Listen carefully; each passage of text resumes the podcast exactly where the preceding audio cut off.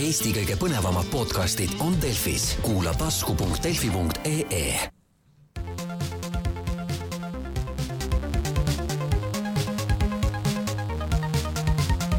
puhataja mäng.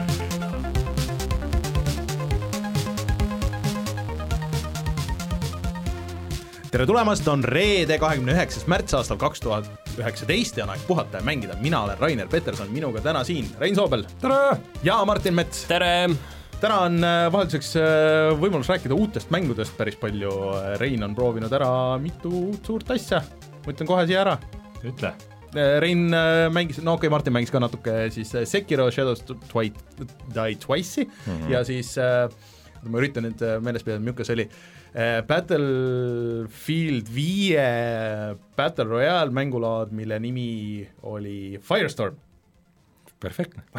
ühesõnaga, nendest asjadest räägime millest me täna muidugi räägime miljonist muust asjast ka veel, palju on uudiseid, sest et GDC veel lõppes uh,, on uh, PAX ja nii edasi, aga nagu ikka, meil on alguses igasuguseid asju, ehk siis kuulake meid Delfi taskust ja tasku.delfi.ee, kus on ka miljon muud podcast'i veel, siis saate meid toetada Patreonis puhata ja mangida, patreon.com kaldkriips puhata ja mangida, siis äh, kui meid toetate, saate ligipääsu meie Discordile, saate osta meie särgi ja siis äh, näete neid saate introsid, mis muidu välja lõigatakse ja nii edasi.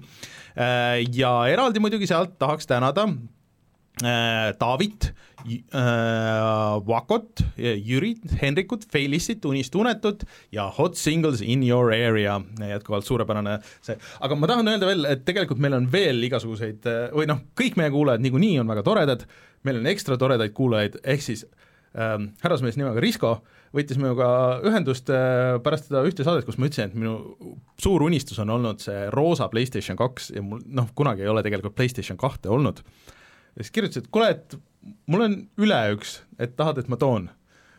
ja siis ta tõi mulle selle ja nüüd mul on äh, roosa äh,, erkroosa PlayStation kaks. et äh, sellel on üks väike aga, et sellel ei tööta see diskidrive. Aga see on äh, lahendatav äh, mingi ühe jubinaga, mis on äh, Aliekspressist vaja tellida ja siis paari klubiga välja vahetada. tead, mis ma tahaks, tead, mis ma tahaks No. sobiks väga hästi, et selles mõttes, et nagu seadmete promomaterjalides on selline lifestyle video, et kus näidatakse, et kuidas vaata täpselt see asi, et see äh, Blood Red äh, iPhone on ju, või Money iPhone, et täpselt see punane ilus mm -hmm. iPhone, et kuidas see sinu nagu sellesse elustiili sobitub. Ja ma arvan, see roosa, täpselt see ongi see Money iPhone, et see kuidas see täpselt nagu sulle sobiks keskkonnas, kuidas seda kasutad, kuidas sa elad sellega sünkroonis, üks-ühele rütmis, minul on ainult üks küsimus, ütle üks, üks mäng, mida peab mängima kindlasti roosa PlayStation kahega. roosa PlayStation kahega ma arvan, et äh, see võiks olla SingStar Aba. mina arvan, et väga hästi sobiks ikkagi Silent Hill kaks PlayStation kahe peal, sest see on just mõeldud selle peal mängimiseks, see on selle peal kõige parem siiani, kuigi see hiljem on teistele platvormidele tulnud ka, originaal X, Xbox'i peal ka tegelikult roosa?. aga see ju on atmosfäär, tegelikult see läheb väga hästi Silent Hill kahe atmosfääri, et aga arvan, mul on, see on, see on minu äh, roosade mänguseadmete kollektsioonis, ehk siis et mul on nüüd siis roosa PlayStation kaks, roosa GameBoy Micro, roosa Nintendo DS Lite äh, ja ma mõtlen, et vist on olemas ka roosa Xbox One'i pult ja vist ka kolmesaja kuuekümne pult, mida, mida saaks, et, et tegelikult seda roosat nagu tehnikat väga ei ole. nüüd ma rääkisin lifestyle video, ja ah,, PSP oli roosa, nagu oli erkroosa vist jah et äh, selle, selle peaks hankima. aga on aitäh Riskole Risko, Risko pani ka, et selle, selle asemel, et mina nagu talle peaks midagi andma, siis siis ta oli pannud ka veel pudeli õlut sinna kaasa, mis on nagu veel nagu ekstra boonus. ma vaatan, et ära seda äh, sinna sisse ka või? ei, roosa Vita on ka kaasas. On olemas, jah, mitte Aa. kaasas. Aga siis äh, jälgige meid Instagramist, instagram.com, kaldkriips puhata ja mangida, ma panen selle pildi sinna üles äh, ja siis mingi hetk äh, ma ei tea, peaks video tegema, kuidas ma selle tööle panen, sest et ma neid lihtsaid fikse proovisin. rääkides videodest, mis me oleme teinud, jaa, Youtube.com, kaldkriips puhata ja mangida. Mis meil seal on? eelmine nädal läks tegelikult kaks videot läks Diablo, esimese Diablo video siis kus Rein natuke näitas netis mängides äh,, kuidas, kuidas on esimene Diablo äh, ja siis äh, läks Crackdown kolme video, kus äh, panime Reinu mängima ja see oli viga ilmselgelt. ei olnud, Martin juba ohkab. see oli, ma arvan, et see tuli päris lõbus video, ma arvan, et see ongi kui, kui seda ka mitmekesi niimoodi mängida, siis, siis see, see võib päris fun olla, nii. see, ma jah, see mäng võib päris fun olla, kui sa mitmekesi vaatad seda ekraani taga ja naerad, kui halb see on, sest niimoodi koos on lõbus selle üle naerda. ma ei viitsi, me oleme nii palju rääkinud seda, aga mis nii. meil see nädal läheb?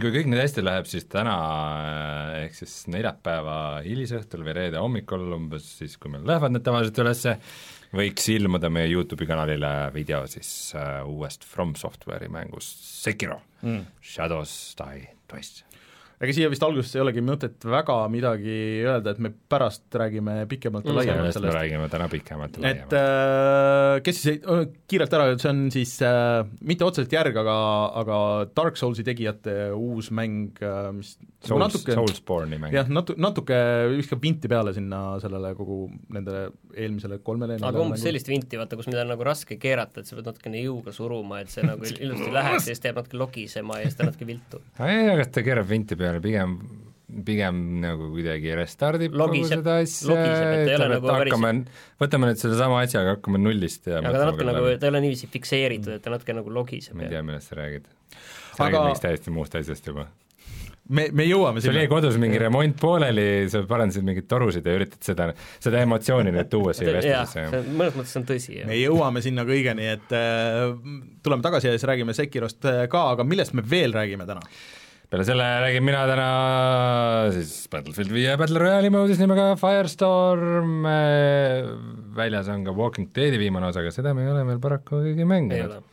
Äh, ja meil tuli igasuguseid huvitavaid uudiseid, äh, kaks esimest Warcrafti on nüüd digitaalses maailmas, Apple nüüd ka siseneb mängumaailma veidike teise jälle. nurga alt jälle PlayStationilt tuli uudiseid, äh, saime teada, mis asi on Wolfenstein Youngblood ning see tuleb välja sel suvel ja võib-olla meie saate ajal tuleb ka mingi uudis Borderlands kolme kohta hmm. ja Raineril on Devil May Cry viis läbi tehtud. on. aga tuleme kohe tagasi ja siis äh, umbes niisuguses järjekorras nendest asjadest räägime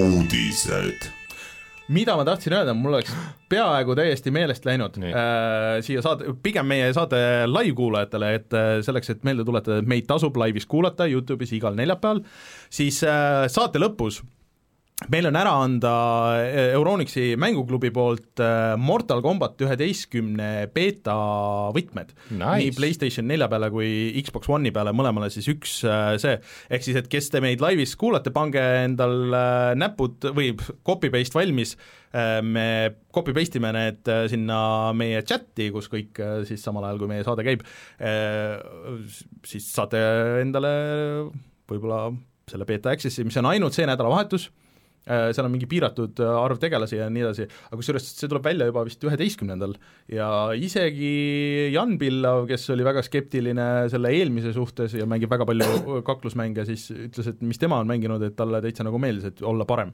Mortal Combat uus. ja, ja üldiselt Mortal Combat äh, kes on mänginud seda täisversiooni, kõik on kiitnud, et see on samm väga palju õigemas suunas tuus on see, et selle filmi näitleja on see Shang Tsung selles nüüd, kes oli selles esimeses filmis. Äh, aga ühesõnaga jah, äh, kuulajad, pange ennast valmis, kui tahate saada seda beeta giid. ja aitäh, Euronixi mänguklubi. nii, ühesõnaga tagasi uudiste nice. juurde. on, mida oodata. nii, aga see nädal siis oli äh, järjekordne suur Apple'i üritus, mis keskendus teenustele, vist ei hakka rääkima nendest teistest asjadest, mis seal oli, see oli üsna segane üritus, aga meie jaoks on siis oluline see, et Apple kuulutas välja enda kuutasuga mänguteenuse mm -hmm. nimega Apple Arcade, kuhu lubatakse siis sada eksklusiivset mängu, see tuleb välja sügisel ja me ei tea veel, mis see maksma hakkab mm, -hmm. aga mängides saab neid mänge iPhone'i, iPadi ja siis ka macOS-i peal. Või oli vist ka Apple TV vist? Apple TV oli ka seal, aga mis kõigepealt, Apple on ise suures osas süüdi, et need mobiilimängud ja need on läinud niisuguseks äh, kohati lunavaraks ja ma ei tea hüppasid, hüppasid juba järgmise selle teema juurde No ma ei saanud, ma ei saanud ka aru praegu, nad, kuidas nad see praegu nagu üritavad, noh, inimesed ei taha juba, juba tükk aega ei taha Apple'i poodi panna mänge, sest et seal on täiesti võimatu esile kerkida, et see on ju veel raskem kui Steamis ja nii edasi, on ju. aga sul ei ole ka näiteks iOS seadmete peal, sul ei ole nagu ka alternatiivi ja, ja nad ise ei ole suutnud nagu kuidagi nagu esile tõsta neid, eriti veel mänge, mille eest sa pead maksma. ja siis nüüd nad üritavad teha uut keskkonda, kuhu, mis on siis rohkem kureeritud, kuhu nad kutsuvad arendajaid nagu aga sa siduvad- nüüd jätsid ühe olulise Nii. asja nagu kahe silma vahele, et äh, need mängud, mis sinna tulevad, nendel ei ole äh, äpi Mikromakseid. siseseid makseid, et mikromakseid ei ole, et kujutage ette, et äh, see on nüüd selline Apple tahab tegelikult mõnes mõttes ongi, et see äh, mängumaailm, mobiilimängumaailm on selline jõhker koht, ütleme niiviisi väga-, kus on sellistel äh, klassikaliselt headel mängudel, nii-öelda üksikmängudel, millel on lugu, mis on normaalse progresseerumisega, nendel on raske seal silma paista, veel raskem on neil seal äri teha. ja et seal kuskil just käis läbi, et eh, top viiekümnest mängust, mis on Apple'i poes praegu nelikümmend üheksa, on free-to-play tasuta mm. mängud, ainult üks on tasuline, mis? äh, Monument Valley, ei ole, Monument Valley kaks oli isegi fail, no see isegi ei jõudnud, ta võib-olla Aa. korra käis kuskil kõrgel, aga okay. ta isegi ei olnud, ei jõudnud üldse Monument Valley ühe tasemele okay. kuskil ligilähedal. Mario. ei ole Mario ka, Mario on vist piisavalt vana juba, et keegi ei mängi seda, aga õige vastus on Minecraft. et see on Aa, ainus tasuline mäng tõsi., et mis on kuskile jõudnud ja noh, see ei ole ka nüüd selline indie-mäng väikselt arendajalt mm, -hmm. on ju, enam. aga no point ongi see, et need mängud on, see mulle tegelikult selle asja juures meeldib. Apple tahab teha mingit sellist ideaalset asja, on ju, kus on mm. sellised head mängud, mis ei ole selle mobiilimängude poolelt ära rikutud. Ja muidugi on Apple selles ise süüdi, et need tasuta mängud on selliseks läinud, nagu nad on läinud, aga samas noh, vot see ongi kahe otsaga asi, et Apple tahab sellist ideaalset asja teha, on ju, mis oleks nagu ilus ja hea ja kus oleksid hea kvaliteediga mängud, teiselt poolt on ju nende, nende eh, free-to-play tasuta mängude eest Apple teenib ka ise jõhkralt raha, kolmkümmend protsenti iga asja pealt, et sa oled nagu, sa tahad olla selline ideaalne ja hea ja tore, aga teistpidi sulle selle teisest taskust tuleb nagu nii palju raha sisse. aga ega nad selle teist taskut ei pane ju kinni. ei, ei, see ei puutu aga absoluutselt. nad rõhutasid mingeid naljakaid asju seal, et see, et meie ei, et kui sa maksad selle eest, me ei kogu teie datat ja me ei kogu seda mängu see datat on, käib meil nagu iga asja juurde praegu et- ja me ei näita reklaami ja no kui Ja ma ostan näita, mängu, siis just. ma ei, siis ma eeldangi, et aga sa ei näita. mõned huvitavad mängufirmad on nagu lubanud, et nende asjad sinna tulevad, näiteks Devolver äh, ütles, et nende asjad tulevad sinna ja just kuulutati välja näiteks äh, uus see Shantae see platvormikas, mis eelmine mulle väga meeldis. Forward hästi, kõige olulisem tegelikult asi, mis sinna tuli, kõige eksklusiivsem ja olulisem on siis äh, äh, see on siis Benita Steel Sky, mis oli üheksakümnendate üks legendaarne hiirekliki seiklus, mille tegi see firma, kes hiljem tegi Broken Swordi ehk Revolution. ja ne-, nende uus mäng, mis on hoopis teistsugusena tegelikult näeb välja, see ei näe selline hiireklikikas mm -hmm. välja, et see on nagu kõige suurem uudis tegelikult, mis sealt mõnes mõttes, mis sealt tuli, et sellele äh, Benita Steel Skyle tehakse kunagi tegime retronurga sellest äh, aegade alguses no midagi. Jaa, aga see on selline legendaarne, legendaarne mäng, aga tegelikult mis seal on huvitav, seal on päris palju arendajaid on taga. Ja päris paljud arendajad on tegelikult seda asja nagu kiitnud ka, et see on tegelikult hea algatus. no põhe, minu meelest see on pigem nagu nii, et see on parem kui nagu mitte midagi, et ei no kui sa alguses oled seal, siis sa saad muidugi, sa saad kohe palju rohkem seda, seda tähelepanu, aga mis ma tahtsin öelda, on see, et Shantae ei tule ainult sinna et see ei ole nagu ainult eksklusiiv. Eh, eksklusiiv, mis antud juhul eksklusiiv tähendab, on äh, nagu äh, konsoolimaailmas on konsooli eksklusiiv mm, -hmm. et see on äh, eksklusiiv mobiilsetele seadmetele mm, -hmm. et, et see ei tule, põhimõte on see, et see ei tule Androidi mm, -hmm. on minu okay., nagu mina sellest aru saan, et see tegelikult mobiilsetele seadmetele, et see tuleb ikkagi ka Switchi. näiteks mis sinna tuleb, on Clay Entertainmenti Hot Lava. Clay uus mäng, jah. mis ilmselgelt tuleb ka mujale, et see ei tule ainult äh, oota, aga teoreetiliselt võiks ju mäng olla seal sellest, et sa maksad subscription'it ja saad sealt ma- maksta, osta selle, tähendab, et sa maksad subscription'it ja saad siis seda mängida ja sa võid ka selle eraldi välja osta, ja vaata, nad ei täpsustanud, aga Seda ei tea, see oleks loog-, loogiline, et see on, et, et äh, see oleks Apple'ile nagu topeltvõit, et ma maksan raha Apple'ile, et ma saan proovida, kas see on nagu hea mäng ja nii edasi, ja, ja kui mulle mingi mäng nagu väga meeldib, siis ma lihtsalt ostan selle see, nagu eraldi no välja. vaata, need on kõik asjad, et tegelikult mida me ei tea, on see, et palju see maksma hakkab mm. ja teine asi on see, et kas see on selline Xbox'i Gamepassi laadne teenus, kus mängud tulevad ja lähevad, on ju, et täna on mm. selles äh, Apple Arcade'is, homme ei ole, aga sa saad seda osta, on ju. no tõenäosus on suur muidugi. aga seal oli veel tegelikult huvitavaid asju, seal oli äh, Chinese Room'i uus mäng, kes tegid selle Everybody's Gone to the Rapture'i mm, -hmm. seal oli nende Apsu tegijate uus mäng, et neil on tegelikult päris palju indie-mänge taga, indie-stuudioid, ja Apple on öelnud, et nad ka ise rahastavad nende mängude mm. tegemist, mitte ainult äh, ei maksa sealt mingit boonust selle kuutasu eest. aga tead, mis see kõige suurem probleem on või? Kõige suurem probleem on see, et need on Apple'i seadme peal äh, need mängud kõlavad väga ägedad, aga ma ei taha seda Chantaid mängida selle mingi virtuaalse nagu D-pad'iga, on ju. ja Apple on siiamaani, võib-olla nad äh, enne siis sügist muudavad seda, aga Apple'i seadmetega ei ühildu suurem osa pilte väga kergesti, et kui sul Androidi seadmetega on suhteliselt lihtne, no peaaegu iga see äh, Bluetoothi pult ühendada ja niimoodi, siis mõni üksik spetsiaalselt äh, sellele iPhone'ile tehtud asi nagu sobib ja need on ka niisugused mingid lollakad kinnitused ja niimoodi ja nii edasi, et äh, see on see, mis mind kõige rohkem nagu hirmutab selle juures. aga ega nad ei olegi mõeldud ilmselt tõsimängurile, et need on ei, aga need on ju täismäng, noh, need, mida nad ütlevad, ongi täismängud. Nad on ikkagi niisugust casual rahvast püüdma, kes nagu Vaat, muidu väga ei nagu mängi. kuskil veidralt keskel, sellepärast et sa ei ole nagu casual casual, kes ei maksa mitte iialgi mitte ühegi asja eest, välja arvatud mm. mingid eh, teemant eh, jurakate eest Candy Crushis, kes muude asjadest elu sees midagi ei maksa, aga seal maksavad. teistpidi, need ei ole jah, sellised hardcore mängud mm., aga need on sellised noh, looga ja kunstilised aga, ja, ja sellised, sellised no, mingi, mingi näiteks, väärtusega aga näiteks. BioShock ja Resident Evil neli on ka iOS-i peal olemas. et aga neid on lihtsalt täiesti võimatu mängida nagu. aga okei okay,, aga ma proovin ühe asja veel kokku võtta, mis tegelikult on üks hea hirm selle asja juures, on see, et et see on nagu ideaalne, tore plaan, on ju mm, -hmm. Apple maksab, seal on kuutasuga teenus, ilmselt see ei saa nagu megapopulaarseks, aga mulle see ideaal nagu meeldib mm, -hmm. aga see võib lõppeda nii, nagu on põhimõtteliselt äh, Spotify ja bändid praegu, et bändid kurdavad, et oot-oot-oot, väga tore, et minu lugu on seal kuulatud kakskümmend tuhat korda, ma sain üks euro ja viiskümmend senti selle eest, et seal võib nagu nende mängudega natukene samamoodi minna, et me nüüd siin arendasime pool aastat või aasta enda mängu, panime selle teie teenusesse ja siit saime noh, tuhat nelisada eurot selle eest. no sama et..., sama oht on muidugi selle Google'i selle Stadiaga, ega nad ei ole öelnud ei, ei, absoluutselt, absoluutselt, see on sama oht, jah. et see Stadia on veel hullem, et kui sa võid nagu igast YouTube'i videost võid nagu järsku võtta selle mängu ja okei okay,, ma nüüd hakkan mängima siin ja siis aga et kui palju arendaja nagu sellest saab ja no see nagu ongi see siuke... suurim hirm, mis, või see suurim väljakutse, mis ja. on ka Stadia puhul, on see, et kuidas üldse levitajad ja arendajad tahavad selle asjaga kaasa aga see on väga huvitav, et nüüd on siis põhimõtteliselt selle aasta lõpuks peaks olema väljas Microsofti nii pilveteenus kui siis neil on see Gamepass, mis, Gamepass on, ütleme nendest, nendest seda tüüpi teenustest on kõige tugevam.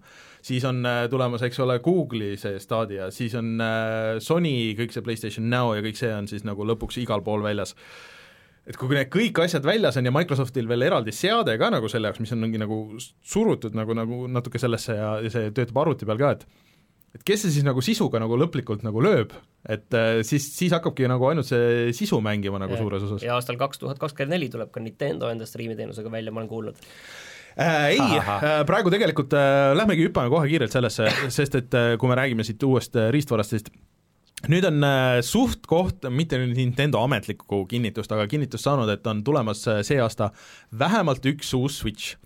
Äh,. Aga tegelikult lõppkokkuvõttes kaks mudelit.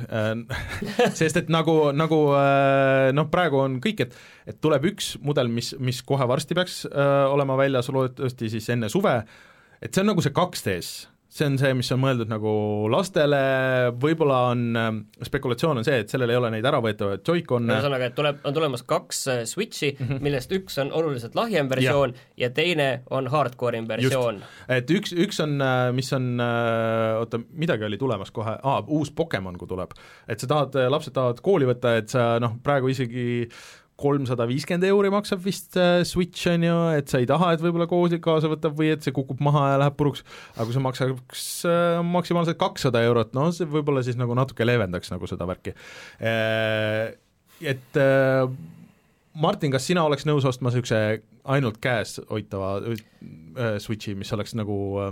jõle raske otsus, sellepärast et mulle endale väga meeldiks ja ma olen nagu oodanud mm -hmm. seda, et tehke see odavam Switch mm, -hmm. mis ongi ainult äh, mis ei olegi mõeldud teleka taga ühendamiseks mm, -hmm. aga mulle ei meeldi see, et see on nagu disainitud lastele, et seal ei ole mingit sellist noh, ma ei taha öelda, et premium fiili sellel mm. asjal ei ole, aga et ta ei ole nagu normaalne no,, et no, ta on teades... tehtud niiviisi, et sa võid sinna peale, on ju, enda lõunasööki pudistada, et, et ma ei taha nagu seda disaini, on ju. teades, kuidas need 2DS-id ja asjad läinud, disainid, siis, siis see võib see olla niisugune cheap, see 2DS on veel tegelikult nagu okei okay, mm, -hmm. aga see on nagu veider, et, et see nagu ma no. ei tea, no selles mõttes ma nagu selle 2DS-i kannatan välja, ta mm -hmm. ei mhm. ole tegelikult hullu, ta on okei okay., ta on, ta on jah plastikune ja selline natukene selline tahumatu, aga, aga see mis... on veel okei okay., kui ta oleks sellel tasemel, siis on okei okay,. aga mis huvitavam on see, et, et noh, see ilmselt pigem nagu järgmise aasta teema, on see kõvem Switch, mis on nii-öelda noh, siis Pro versioon, on ju, kuhu nad saaks panna vist nüüd juba päris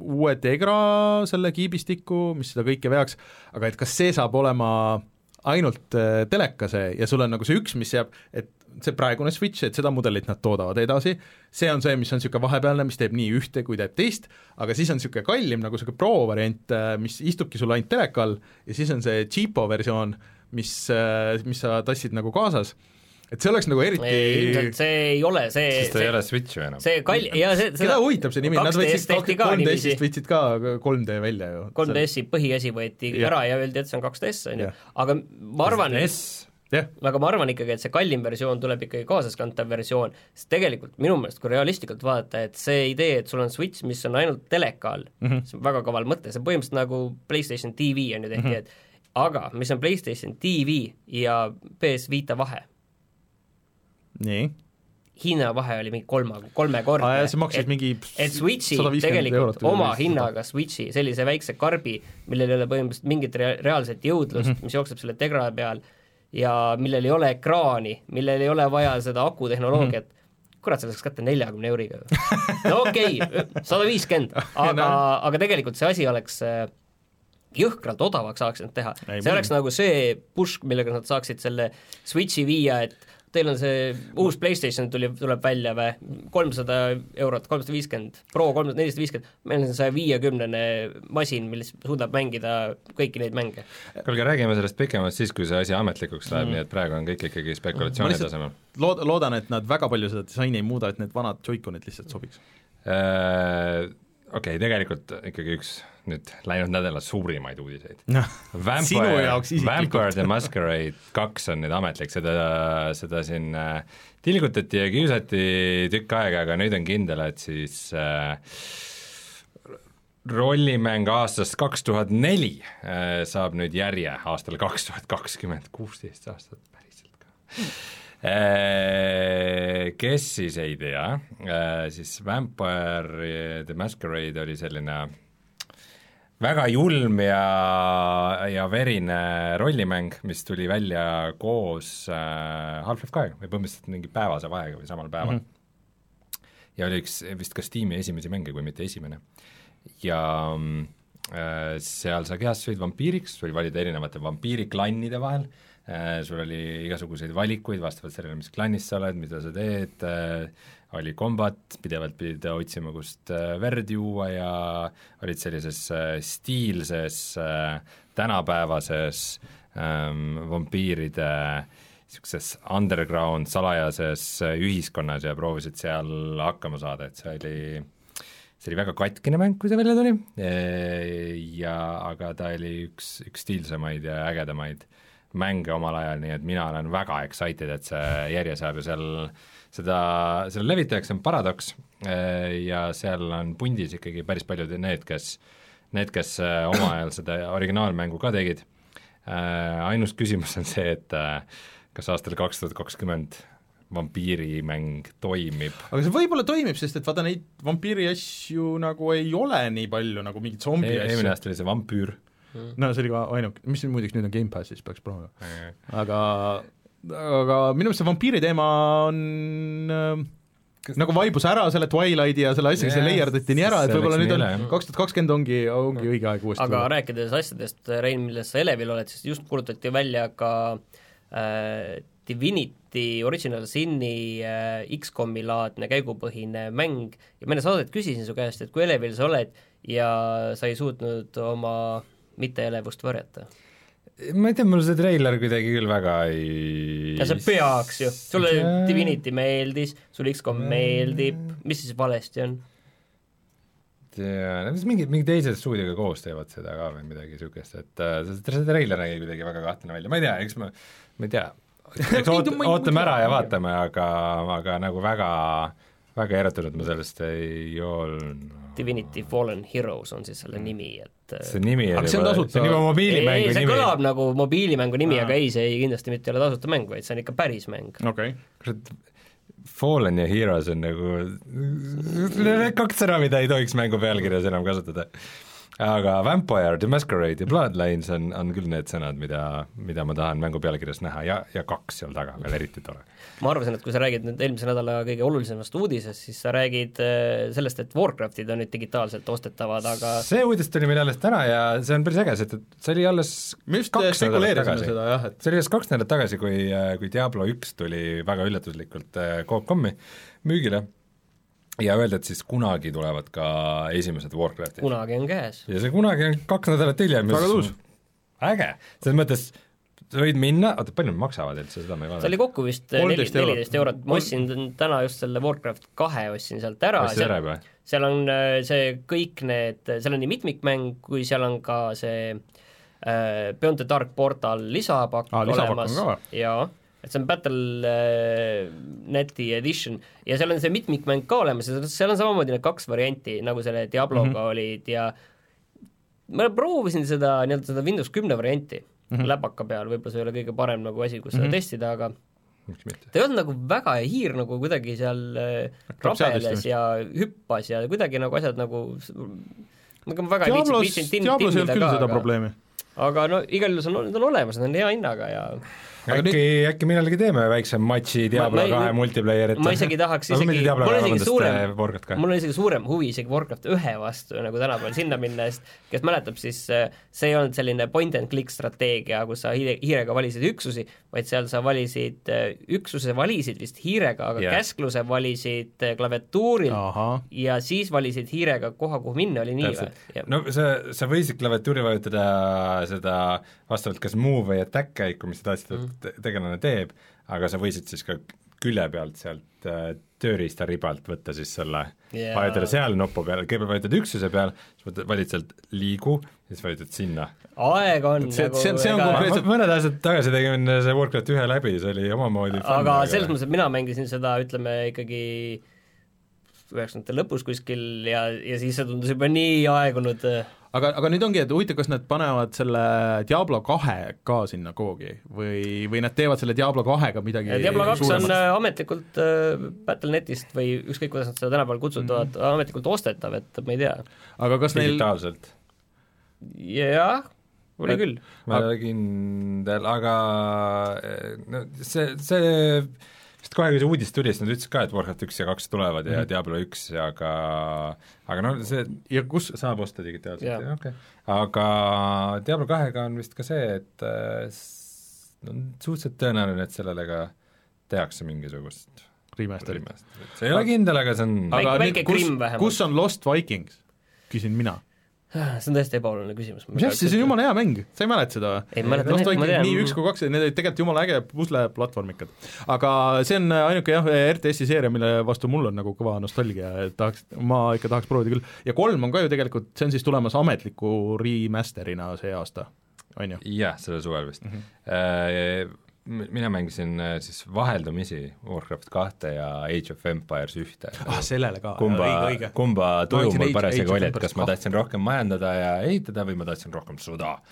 et äh, vastavalt sellele mängisin ühte või teist ja see on väga äge, need on seal väljas ja ma võtan ilmselt ka ligi.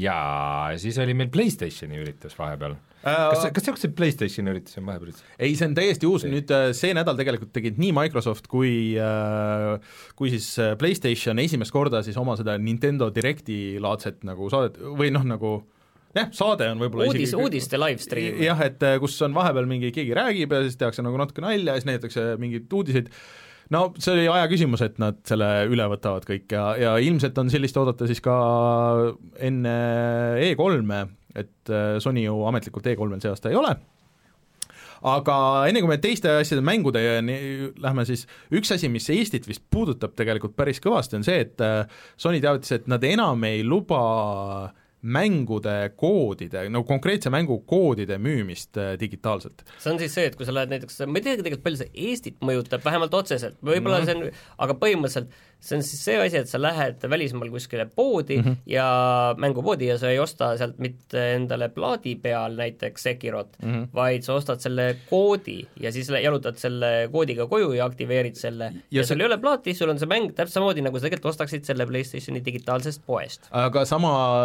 nii palju kui mina sain aru, siis see puudutab ka digitaalseid poode, et sa ei saa näiteks Amazonist, Amazon on tegelikult noh, Eestis võib-olla mitte nii palju, aga välismaal päris suur nagu konkreetsete mängude mängu ka nagu koodide müüja, et ja, ja seal sa sai teha seda gift imist, mida sa ju PlayStationi poes ei saa teha, et kui ma tahan sulle saata sünnipäevaks mängu, äh, mitte siis füüsilist, siis, äh, siis ma sain seda teha läbi Amazoni, on ju. aga mängu? no ma ei tea, näiteks äh, äh Dead or Alive Beach Volleyball. Hmm.. jee, seda ma ootan. Rumble, Rumble Roses. Äh,, aga, aga siis äh, et eh, nüüd sa enam seda ei saa teha, mis Sony poolt on nagu eh, väga arusaadav liigutus, sest et noh, koodikaardid ju jäävad alles, sa seda raha saad, aga neil on eriti puine see, et, et sul ju rahakaardid lähevad viiekümneni, aga mängud on tihtipeale kuuskümmend üheksa või seitsekümmend eh, aga no rahakaardid ei ole nii oluline, kui sa ostad need otse digitaalselt, et miks no jah, sa sa seda rahakaardi üldse sealt vahelt välja jätta. no kui sa, kui sul ei ole krediitkaarti näiteks või, või midagi niisugust, on ju, aga siis, siis see tähendab seda, et sa pead ostma vähemalt kaks kaarti, see on Sonyle väga kaval et sulle jääb natuke raha no ma arvan, et Sony on lihtsalt tundnud, et nende see digitaalne mängupood on ise juba piisavalt tugev, et miks ta peaks äh, vahendajatele andma raha? Äh, see vist äh, natuke puudutab ka seda halli turgu, et see kuidagi selle koodimajanduse no, ma ei kujuta ette, ma pean tunnistama, et ma ei tea üldse, kui suur teema on no, PlayStationi kus... mängude hall turg. No ikka natuke liigub ja just ma näen, et Amazonis on tihtipeale on alla hind, mingi konkreetne mäng, digitaalne, maksab nii palju, nii vähe. et ma arvan, et see mingi mahhinatsioon sellega võib olla ka. aga see Sony üritus siis Reinule suuresti peaks korda minema, sest et suurem osa, mis nad näitasid, olid tegelikult VR-mängud, et uh, uued mängud, mis ei ole isegi nagu ei olnud välja kuulutatud, või siis mõned vanad mängud uh, said sa, saavad peagi VR-lisa ka arvutil muideks hmm.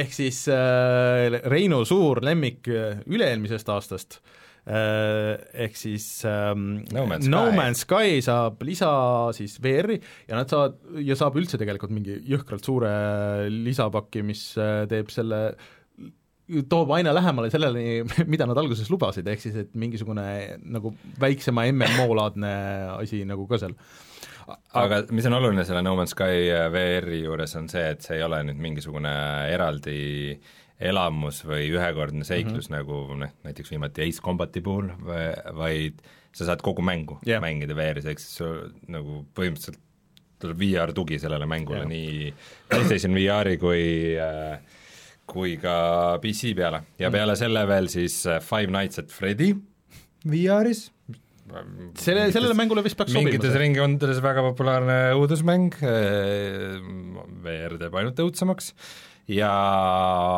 Ironman VR-is näiteks. Äh,? Ma vaatasin, et see oli nagu mille suhtes ma ei ole eriti loodurikas see võiks ideaalis, ideaalis see on väga lendad ringis lendad ja... ringi seal see, ja siis vaatad seda videot ja siis iga selle gameplay klipi all oli not actual gameplay. Siis okei okay,, aga need tegijad oli mingi stuudio, mis oli, ma enam ei mäleta seda nime, et mingi, mingi mäng, VR-mäng, mis palju põnevaid okay. filmimänge teinud? ei, ei, ta oli ühe mingi asja teinud, mis, mis võeti vist enam-vähem okeilt nagu vastu täitsa, aga nende Marveli, Marveli filmi või Marveli mängudega on nagu kuidagi väga puseriti läinud, et ainult äh, Spider-man on see, mis, mis on okeilt välja tulnud. üldiselt äh, see, neid Marveli asju, mul on tunne, et nagu, nagu teadlikult kühveldatakse välja niimoodi mm., et me, meil on see kuskil Exceli tabelis kirjas, et selleks, et äh, meil turundus läheks paremini, meil peab olema mm. selleteemaline arvutimäng, et äh, ma ei Otsige tea, vaadake, kes odavalt teeks mingi, see, see, see, see, tüüp on habemega, äkki teeb et äh, seal ei ole nagu erilist kvaliteedist juttu.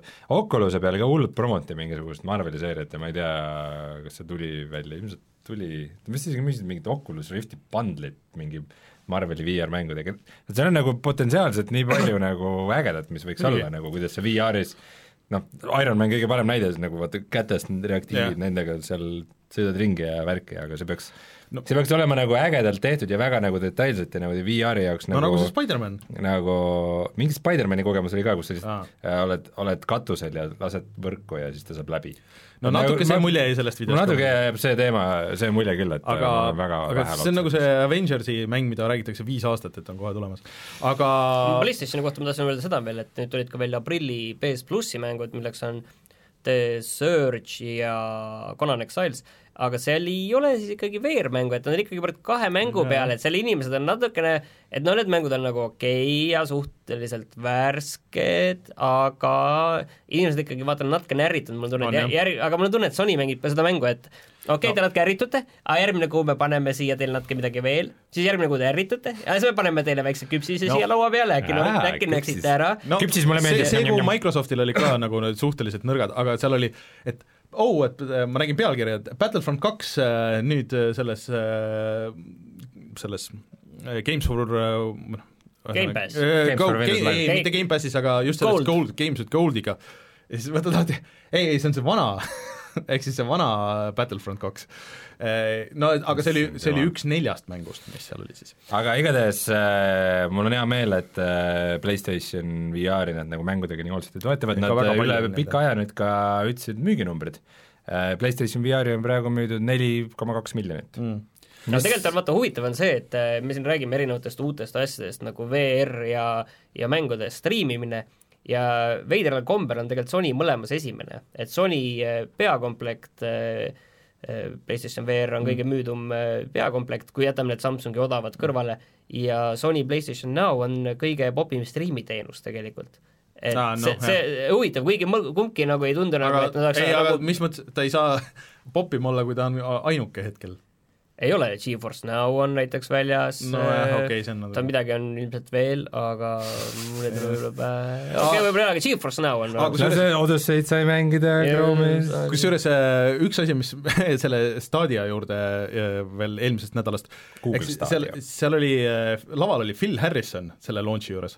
Phil Harrison on see mees, kes launch'is Xbox One'i, mis läks to totaalselt metsa, Kaikai, mis läks totaalselt metsa, siis äh, oota, mis seal ports- äh,, PlayStation kolme, mille launch alguses esimesed kaks aastat oli täiesti nagu metsas, siis äh, tundub nagu innovaatiline tüüp, kes on veidi ajast ees. ta oli Singas vahepeal siis, kui see läks täiesti, kogu see firma läks minu meelest oskab olla seal, kuhu, kus on firmad, kuhu on palju investeeritud ja kus on palju raha, et see on väga mõistlik. jah, sealt, et ma ei tea, ei sellesse Stadiasse nagu väga ei süvenda usku, aga, aga noh, meil on palju asju, mis ei süvenda usku, aga ma tahtsin öelda seda, selle, eelmine kord äh, spekuleerisime siin selle üle veidikene, et kui see uus Oculus Rift S välja kuulutati, et kui selline, kui selline asi oleks nagu PlayStation viiele nagu äh, ostetav, et sa, et kuna kogu see tugi on juba enne sisse ehitatud, et sul ei ole mingeid eraldi karpe ja asju vaja ja siis sa paned lihtsalt sinna juhtmega, ühe, ühe juhtmega paned peaseadme külge, mis ei, sa ei vaja eraldi setup'i, kus on inside-out äh, kaamerad mm, -hmm. nagu mis näevad ruumi äh, ja sellega, et nad nüüd näitavad nagu nii head tuge nende PSVR mängudega praegu, et, et neid tuleb, et nad on suutnud müüa neid äh, headset'e, minu meelest sellega nagu praegu on Sony positsioneerinud ennast olukorda, kus, kui PlayStation viis tuleb ja ta kindlasti tuleb, ja kui talle tuleb hea uus siis PSVR kaks mm -hmm. või mis iganes selle nimeks saab, siis nad võivad nagu täiesti domineerida VR-mängude Jah. turgu maailmas nagu ja, ja see on nagu, see on päris vägev. entry point on nagu nii väike, pluss sa saad kõik nagu need muud asjad, mida PlayStation pakub ka nagu vaat siin on nii-öelda tasuta kaasa, on ju. aga et Sony on praegu ikkagi VR osas väga palju õigesti teinud. äh, paari asja näidati veel, mis siis ei olnud nagu VR-iga seotud, et see oli kõige suurem äh, no, internet, natuke oli närvis, keda need VR asjad ei huvita, aga oli äh, Mortal Combati äh, uus treiler, mis nägi tegelikult väga äge välja äh, ütlesin, neil on palju häid treilereid. jah, ja ma väga tahan seda mängida, mul see pult äh, lõpuks õigustab ennast. ja siis, siis, ja siis näidati Crash Team äh, Racingu äh, treilerit, mida vist enne minu meelest ei ole pikka treilerit olnudki. oled kindel või? minu meelest näidati lihtsalt mingisugust äh, väikest diiserit, aga nüüd näidati pikka treilerit. aga antud juhul pole tegemist siis Sony eksklusiiviga, vaid see tuleb Jah. Xbox One'ile Äh, ja võib-olla ka arvutile. see on siis äh, Mario kart äh, kõikidele nendele teistele platvormidele, mis ei ole Nintendo platvorm, kuigi see vist vist tuleb Switchi peale ka äh,. Aga see on äge, kõik need muud asjad on nagu samad, et sul on need, saad kastidest asju, millega teisi kiusata ja kõike seda, et, et sellist mängu on vaja, ma arvan. vot aga Wolfensteinile tuleb niisugune vaheosa nimega Youngblood ja seda me oleme juba tükk aega teadnud, aga nüüd me nägime selle treilerit ja nüüd me teame, mis see on, mis see siis on? Äh, siis BJ Blazkovitši tütred äh, lähevad põhimõtteliselt äh, see, mitte Stranger Things, aga see mm, Life is Strange kohtub Wolfensteiniga. Et äh, see on, leiab aset minu meelest nüüd kaheksakümnendatel võib-olla oli jah, ma ei oli vist, see oli pseudo selles mõttes jaa, jaa, ta on kakskümmend aastat hiljem pärast Wolfenstein kahte, sest seal need lapsed sündisid. Blaskovitš on kadunud ja need äh, tütred lähevad teda otsima, aga Euroopasse ja Pariisi siis. jah, mis on tuus, on see, et äh, see on kahekesti mängitav. ma ei ole kindel, kas see on see sõna, mida siin kasutada, tuus, et et selles mõttes, et nimeta üks selline hea selline koostöö shooter, mis ei ole nagu üles ehitatud sellele, et ta see oleks nagu sari oleks olnud see, vaid see on olnud selline Halo, Gears of War ma ei tea uh,. võib-olla no,, võib-olla selles mõttes jah, aga no need on natuke teistmoodi. aga lihtsalt, et see, et kuidas see lahendatud on, on see, mida niisugused go-up äh, asjad peaksid tegema ja tegelikult vist, kas see Way Out ei teinud ka midagi sellist? ehk siis, et äh, kui sa tahad sõbraga mängida seda otsast lõpuni, siis mõlemad ei pea ostma eraldi seda mängu, piisab sellest, et üks ostab Deluxe Editioni, mitte tavalise. tavalise osaga ei saa või? Ei saa jah, sa pead veidi, veidi kallima, nagu sa pead veidi kallima ostma, aga ta ei ole nagu, kui see oli vist niimoodi, et see mäng ise on vist mingi kolmkümmend, kolmkümmend, nelikümmend euri, siis äh, kui sa ostad mingi kümme euri kallima versiooni okay., siis sa saad äh,, sa saad siis juba no, natuke entusiasm langeb. oodake ära, kuni see hind langeb ja, ja... sest et see langeb päris kiiresti, ma arvan, need Wolfensteini need üksikmängu need. aga ma ei tea, mulle treiler jättis nagu päris ägeda mulje, et äh, kui sellel nagu level disain see... oleks nagu natuke parem, ma loodan, kui sellest, selles teises osas, siis ma ei tea, mulle see teine osa väga meeldis, et ma ei no. oska nagu ette, selles mõttes, ei põhimõtteliselt kui ta on nagu sulle meeldis Wolfenstein kaks, kaks., väga või? Ma ei mäleta, et üldse Martin seda mänginud. mängis, mängis, ta mängis eelmine aasta seda. ma eelmine aasta tegin Ai, läbi, nii ühe kui kahe tegin järjest läbi. okei, okei. et äh, ei, see oli sulle see kahe mängitavus meeldis? jaa, mulle pigem meeldis. mulle see kahe story meeldis, aga mulle see loomulikult raskel, raskusastmel seal kõik, mitte seal kõige hullem, seal olid neid raskemaid oli veel. loomulikult. ei muidugi, selles mõttes muidugi. aga iseenesestmõistetavalt. selles ma ei kahtlegi, äge. ma, ma tahan kuulda seda, kas sa Sekirot mängid ikka raskel raskusastmel aga, aga okei okay,, ühesõnaga ei, ma arvan, et see on nagu okei okay,, aga lihtsalt seal ei tasu nagu liiga ootusi üles mm. seada, ma arvan, et ta iseenesest on nõrgem kui kaks ja see üks. ma ei tea, kui te sulle meeldib see koostöömöll meeldib? see, see vaheosa, see ühe ja kahe vahel, mis see oli, see Ulplaad või? See oli, see oli ikka väga nõrk minu meelest. minu meelest see oli okei okay,, aga, aga ta oli nagu okei okay,, see oli esimene, aga, aga, aga minu meelest oligi see kaks oli nagu liiga pikk ka ja mulle niisuguse lühe, lühem nagu ma arvan, tubli mingi üheksa tundi või kaheksa-üheksa tundi. jaa, aga ta tundus nagu pikk, mis ei ole nagu hea märk. aga ta tõi seal uusi mehaanikaid mängu. ma ei tea, ma ei, mul kuidagi see, see teine osa, see, see, see loo Venus, ja, loo ja Mars, loo ja mänguosa kontrast minu meelest oli liiga suur jah, pärast oli Veenusel ka yeah., Marsil Geidiga. aga ühesõnaga, ma, mina tahan seda kindlasti mängida, et, et näis, kuidas siis on. ja siin tasub ära mainida ka seda, et see tuleb äh, nüüd Steam'i mm.. Äh, miks see on oluline, on see, et äh, Bethesda, kes on siis selle mängu levitaja, ju vahepeal äh, nii agressiivselt äh, push'is oma seda oma Bethesda launcher'it, et mm. äh, näiteks Fallout seitsekümmend kuus ilmuski ainult sinna. kurb äh, millest mitte kellelgi ei ole kahju, äh, siis siis vähemalt see oli see, et oo oh,, siin ei ole reitingusüsteemi, muidu ma, kõik näevad, et see on very negative. Äh, ja ka Fallout seitsekümmend kuus tuleb mm. nüüd Steam'i, lisaks sellele siis ka tulevane mäng Rage kaks, äh, siis Wolfenstein Cyberpilot, mis on vist see VR-elamus, ja ka Doomi teine osa, Doom Eternal tulevad kõik siis tulevikus Steam'i. Mm.. nii et see on äh, hea uudis siin nende Epiku jantide valguses. Mm.. ja nüüd on meie uudiste dokumenti kirjutatud Borderlands kolm ja ma vaatan, et sa poole silmaga siin jälgid midagi, mida me teame Borderlands kolmest? suurt ei midagi, see ehitusprojekt käib, aga mul mingeid ah, raudkõvasid fakte ei ole pärit pakkuda. Nad vähemalt ütlesid, et noh, kindlasti see on Borderlands kolme uudised äh,, treil-, või noh, diiser tuli välja ja öeldi ühesõnaga see noh, põhimõtteliselt see on ametlik mm., aga kuidas, mis täpselt, seda äkki saame mm. saate lõpupoole öelda. aa ah,, ja nii palju siis selle Wolfensteini asja kohta, et see tuleb nüüd välja siis äh, kakskümmend kuus juuli mm. -hmm. et äh, juba suvel saab mängida mm.. ja lõpuga üks Eesti uudis mina väga nagu spordist ja Eesti spordist väga ei tea, muud, ainuke sporditiimi nimi, mis mulle natukenegi on tuttav, ongi Nõmme, Nõmme Kalju FC Flora. Äh, võib-olla, võib-olla osaliselt muidugi sellepärast, et äh, muusikaviktoriin, kus ma iganädalaselt käin, siis seal on üks tiim on Nõmme Kolju. aga, aga, aga, aga Nõmme, Nõmme Kalju on mulle tuttav, ma tean, et see on, see on lähim kokkupuude spordiga mängivad jalgpalli vaata, vaata, kus ta on selle kokkupuutepunkti leidnud endale. aga ühesõnaga, miks me sellest räägime, Martin? see on sellepärast, et nad tegid nüüd enda selle e- e-spordi tiimi, mul on küsimus, et äh, aga mis e-sporti nad hakkavad mängima? jah, mis e-sporti?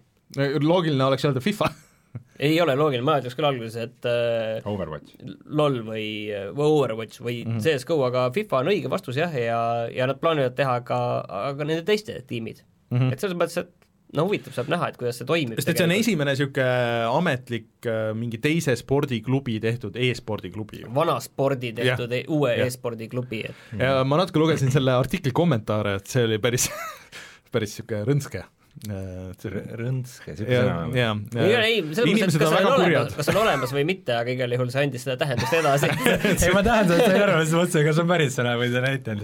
aga et see inimestele väga vanakooli, vanakooli spordifännidele, tugitoolisportlastele see ikka absoluutselt ei istunud. tugitoolisportlased ütlevad, see ei ole piisavalt kuskile on nüüd vaja see dopinguraha nagu paigutada, mis jäi üle nagu, et mida ei julge nagu anda mingitele niisugustele ma ei tea, teeme, kasutame aga... e-sporti, et see tundub nagu vist on Imagole parem aga muidu selle, just selle mänguvaliku osas, et et me siin erilised e-spordi spetsialistid keegi ei ole, aga mul on jäänud mulje, et nagu ikkagi maailmas nagu suuremad äh, need e-spordi tiimid siis, et nad sageli nagu on see, et nad teevad korraga tiimid nagu mitmesse mängu. et ütleme, et sul on mingi äh, ma ei tea, mingi Navi või Fnatic ja, ja siis neil on umbes samal ajal oma Dota, oma LoLi, oma StarCrafti nagu kõikide asjade tiimid, et et, et noh, et kas sealt midagi ka no tegelikult, ma ei tea jah, aga põhimõtteliselt on nagu kolm suurt e-sporti on, on ju Dota, LoL ja CSGO ja selle järel tulevad siis äh, Overwatch, äh, FIFA, no see Rocket League on ka kuskil seal natukene ja, ja mingid asjad veel, aga, aga noh. aga kas äh, Overstep kas, kas, kas papi mitte alles just, neil vist ei läinud väga hästi mingisugusel suurel ei, neil läks väga hästi, väga läks... pikalt ja siis neil ühe korra ei läinud hästi. aa, okei okay.. ma lihtsalt nägin ma olen tükk aega kuulnud midagi äh,. sa ei loe, sa ei loe Eesti lehti, need on isegi nagu hakanud äh, kajastama, mis tegelikult on nagu märk millestki, mulle tundub, et kui aga Team Secret sellest, et muid uudiseid ei ole ilmselt. on ta ikka, on ta ikka Team Secretis või? jaa. okei okay äh, siia tasub mainida ka, oli üks uudis äh,, ma nüüd unustasin ära, mis mis linnas, aga mingis Ameerika linnas siis äh, hakati ehitama nagu eraldi e-spordi areeni. aa, oli jah. mille staadioni. staadioni, jah. kas see on Phoenix äkki? Äh, midagi sellist võis olla. igatahes see oli mingi CSGO, see, see oli mingi CSGO tiimi jaoks ja maksis mingi viiskümmend miljonit. viiskümmend miljonit äh, teha e-spordi staadionit, et see on nagu hmm.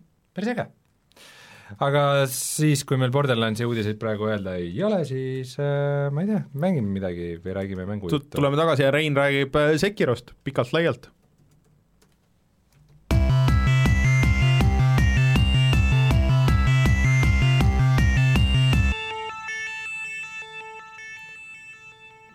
Sekiro. ma lihtsalt ütlen, et see oli Overwatchi tiim, kellele see tehti, et mm. Overwatch on vist tõusuteel. aa, oli seal see linn ka? Philadelphia. Philadelphia mm., close enough.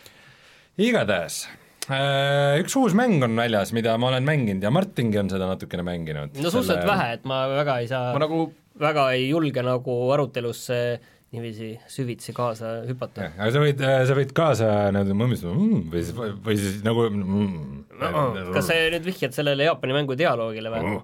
Jaa, Sekiro Shadows Die Twice on siis From Software'i uus mäng mänguarendaja, kes on teinud siis uh, Dark Soulsi mängud, Demon Soulsi ja Bloodborne'i, mis on siis uh, toonud kaasa niisuguse nagu eraldi žanri, mida, mida, mida nagu väljaspoolt, ma ei tea, öeldakse soulsilikud mängud või rollikad, kus sa mm. sured liiga palju. jah, mis on rasked, sa sured seal sageli ja sa, sa õpid läbi oma vigade ja sa saad paremaks. ja et sina, sa, mitte su mm. karakter ei saa ainult paremaks, vaid sa ise, et sa nagu pidevalt arened ja õpid ja hakkad jälgima ja Git Good on see, mis selle kohta öeldakse, jah. et Tekken on siis uh, uus uh, mäng nende poolt, toimub äh, täiesti teistsuguses universumis kui varasemad. Nimelt ta on niisugune feodaalne Jaapan, kus äh, peaosas, peaosaline äh,, peategelane äh, Sekiro on selline eluisu kaotanud ninja, kes ei suutnud teenida oma isandat ja lasi oma, oma lapseohtu isanda siis, või noh, päris lapse röövida ja nüüd siis näeb vaeva, et teda, teda päästa kurjade jõudude käest. Ja päris palju erinevusi on, kui võrrelda Soulsi mängudega, no mina olen, mina ei ole nagu ekspert kõikide Soulsi mängude osas, ma olen läbi teinud Dark Souls kolme äh,, aga nagu mitmed mehaanikad ja asjad on nagu ikkagi üsnagi teistsugused äh,. Ma ei tea, kas me peaksime kohe laskuma siia mehaanikatesse, ma nii palju veel ütlen nagu tutvustuseks või nagu kirjelduseks, et äh, mäng soovitab äh, nagu default'is, et, äh, et sa mängiksid jaapani keeles, et noh, et nagu noh, menüü ja tekstid nagu on kõik inglise keeles, aga aga et dialoog oleks Mhm. jaapani keeles. Ja, ja ma ma tegingi seda ja mulle, mulle see niimoodi Tundub väga meeldib, see tundub väga nagu õige. Äh, ja noh, mis, mis on nagu hästi suur erinevus minu jaoks võrreldes nagu Dark Souls kolmega, on see, et äh, see mäng nagu seletab asju, et sul on nagu tutorial ja, ja tulevad muudkui nagu tekstid, mis ütlevad mm, -hmm. et see teeb seda, see teeb seda äh,, kui sa oled seal nii-öelda oma sõprade juures või oma selles äh, pühas templis äh,, siis äh, sul kaaslased räägivad sulle, kuidas asjad käivad, et oo, et sa võid leida neid asju ja neid asju, need too mulle ja siis ma saan sulle upgrade ida mm -hmm. seda asju ja ja, ja sul on reaalselt üks tegelane, kellega sa saad harjutada, nagu kellega sa saad valida, mida sa tahad harjutada, et kas sa tahad harjutada mingit blokkimist või või mingit äh, spetsiifilist liigutust või lihtsalt temaga sparrida või et sa saad minna ja ja proovida nagu tema peal, et kuidas see ajastus ja aga erinevalt siis Souls, ta on surematu ja ta on nagu rõõmuga nõus olema see peksuga. erinevalt siis Soulsi mängudest, mis sulle ei seleta midagi, sa võid natukene mingite äh, esemete ja relvade kirjeldusi lugeda, aga see on ka põhimõtteliselt maksimum mm.. ja, ja see Soulsi mängudes minu meelest see nagu ongi point, et see ja. Lugu ongi niisugune, kujutan ette, et neil tegelikult vist kõigil Soulsi mängudel on mingi vägev lugu, ja, ja, aga see ongi kuidagi kuskil taustal peidus või sa pead seda kuidagi ise tüüpidega rääkima või... ja sa pead minema õigel ajal mingite tüüpidega rääkima, et sa saaks õiget informatsiooni ja ma ei tea, mingi ma sada asja. see On, päris on,, päris seal on- nii ei ole, aga, aga just see, et et sageli ei ole nagu Soulsi mängude juures minu meelest see nii oluline, et keegi ütles, et oo, et see draakon tuli siis ja Mhm. hävitas selle kuningriigi ja siis see ja siis see äh, kuninganna üritas seda needust enda peale võtta, aga selle abil läks asjad hullem, vaid see pigem nagu sa näed neid tagajärgi ja sa enda jaoks tuletad selle loo kuidagi või nagu Nende esemete kirjelduses oli mingi palju asju ja ma ei, mingi jah, mitut Soulsi mängu sa oled? esi, esimest, no ei, ma üritasin alguses äh, vaadata ka mingisugust gaidi, et kuidas siis läheneda nagu algaja gaid nagu ja siis seal öeldi jaa, et, et sa pead lugema igat seda ja siis ma ei viitsinud teha. et, et okei okay,, see on see nagu Sekiro selle, see nagu erinevus, aga samas äh, see Dark Soulsi atmosfäär ja selline nagu rusuv äh, niisugune veidi melanhoolne selline see olemus ja niisugune julm julm, ma ei tea, kas kooti on õige sõna, aga noh, võib-olla ja jaapanlaste nägemus äh, kooti Euroopast või midagi niisugust. ei, sa ei, räägid ei, see oli Dark Souls. Dark Souls. See oli Dark Souls. aga, aga Sekiro no vot, vot see ongi see, et ma ei räägi praegu sellest stiilist, see stiil on feodaalne Jaapan, vaata No. no., aga aga, aga siiski see emotsioon kuidagi või see atmosfäär mõttes, on okay. ikkagi kuidagi nagu, kuidagi nagu üle tulnud, et see on nagu ikkagi väga, väga selgelt mm -hmm. nagu Soulsi mäng okay.. aga räägime siis veel veidi nendest muudatustest äh,. Mobiilsus. sul on reaalselt algusest peale äh,, oluline asi, mis siis Sekiroga juhtub, on see, et tal äh, lüüakse käsi maha äh, ühe võitluse käigus ja, ja siis sa ärkad ühe mm, nukumeistri juures, kes on teinud talle siis äh,, siis nagu puust niisuguse nukukäe mm. -hmm. ja selle käega sa saad kohe nagu erivõimeid. kõige olulisem neist siis just mobiilsuse koha pealt on see, et äh, et sa lased välja sealt köie, millega sa teatud asja kohta saad siis nagu kräppelida või nagu tõmmata ennast selle köiega kuhugi puu, puude otsa või, või majade katustele või ühesõnaga niisugune täiesti nagu Batmani Arkhami mängudes niisugune see tahtsin nüüd Batmani- feodaalne Spider-man. Äh, pigem, pigem just Batman, et mm. ja, ja see, selle feel, minu arust isegi hääleefekt on nagu Ah, täpselt nagu see Batman, et sa see on siis lenad sinna katusele. et siis Dark Soulsi mängudes sellist vertikaalsust ei ole, et sa ei hüppe mm., isegi on seal selline vaevaline hopsatus. jaa, et äh, nad alati Soulsi mäng on niisugune raske liikumine kuidagi, et et, et järsku ta on niisugune, oled niisugune kerge ninjapäkkadel hüp-, hüpled ringi ja mängus on siis ka hiilimine mm. -hmm.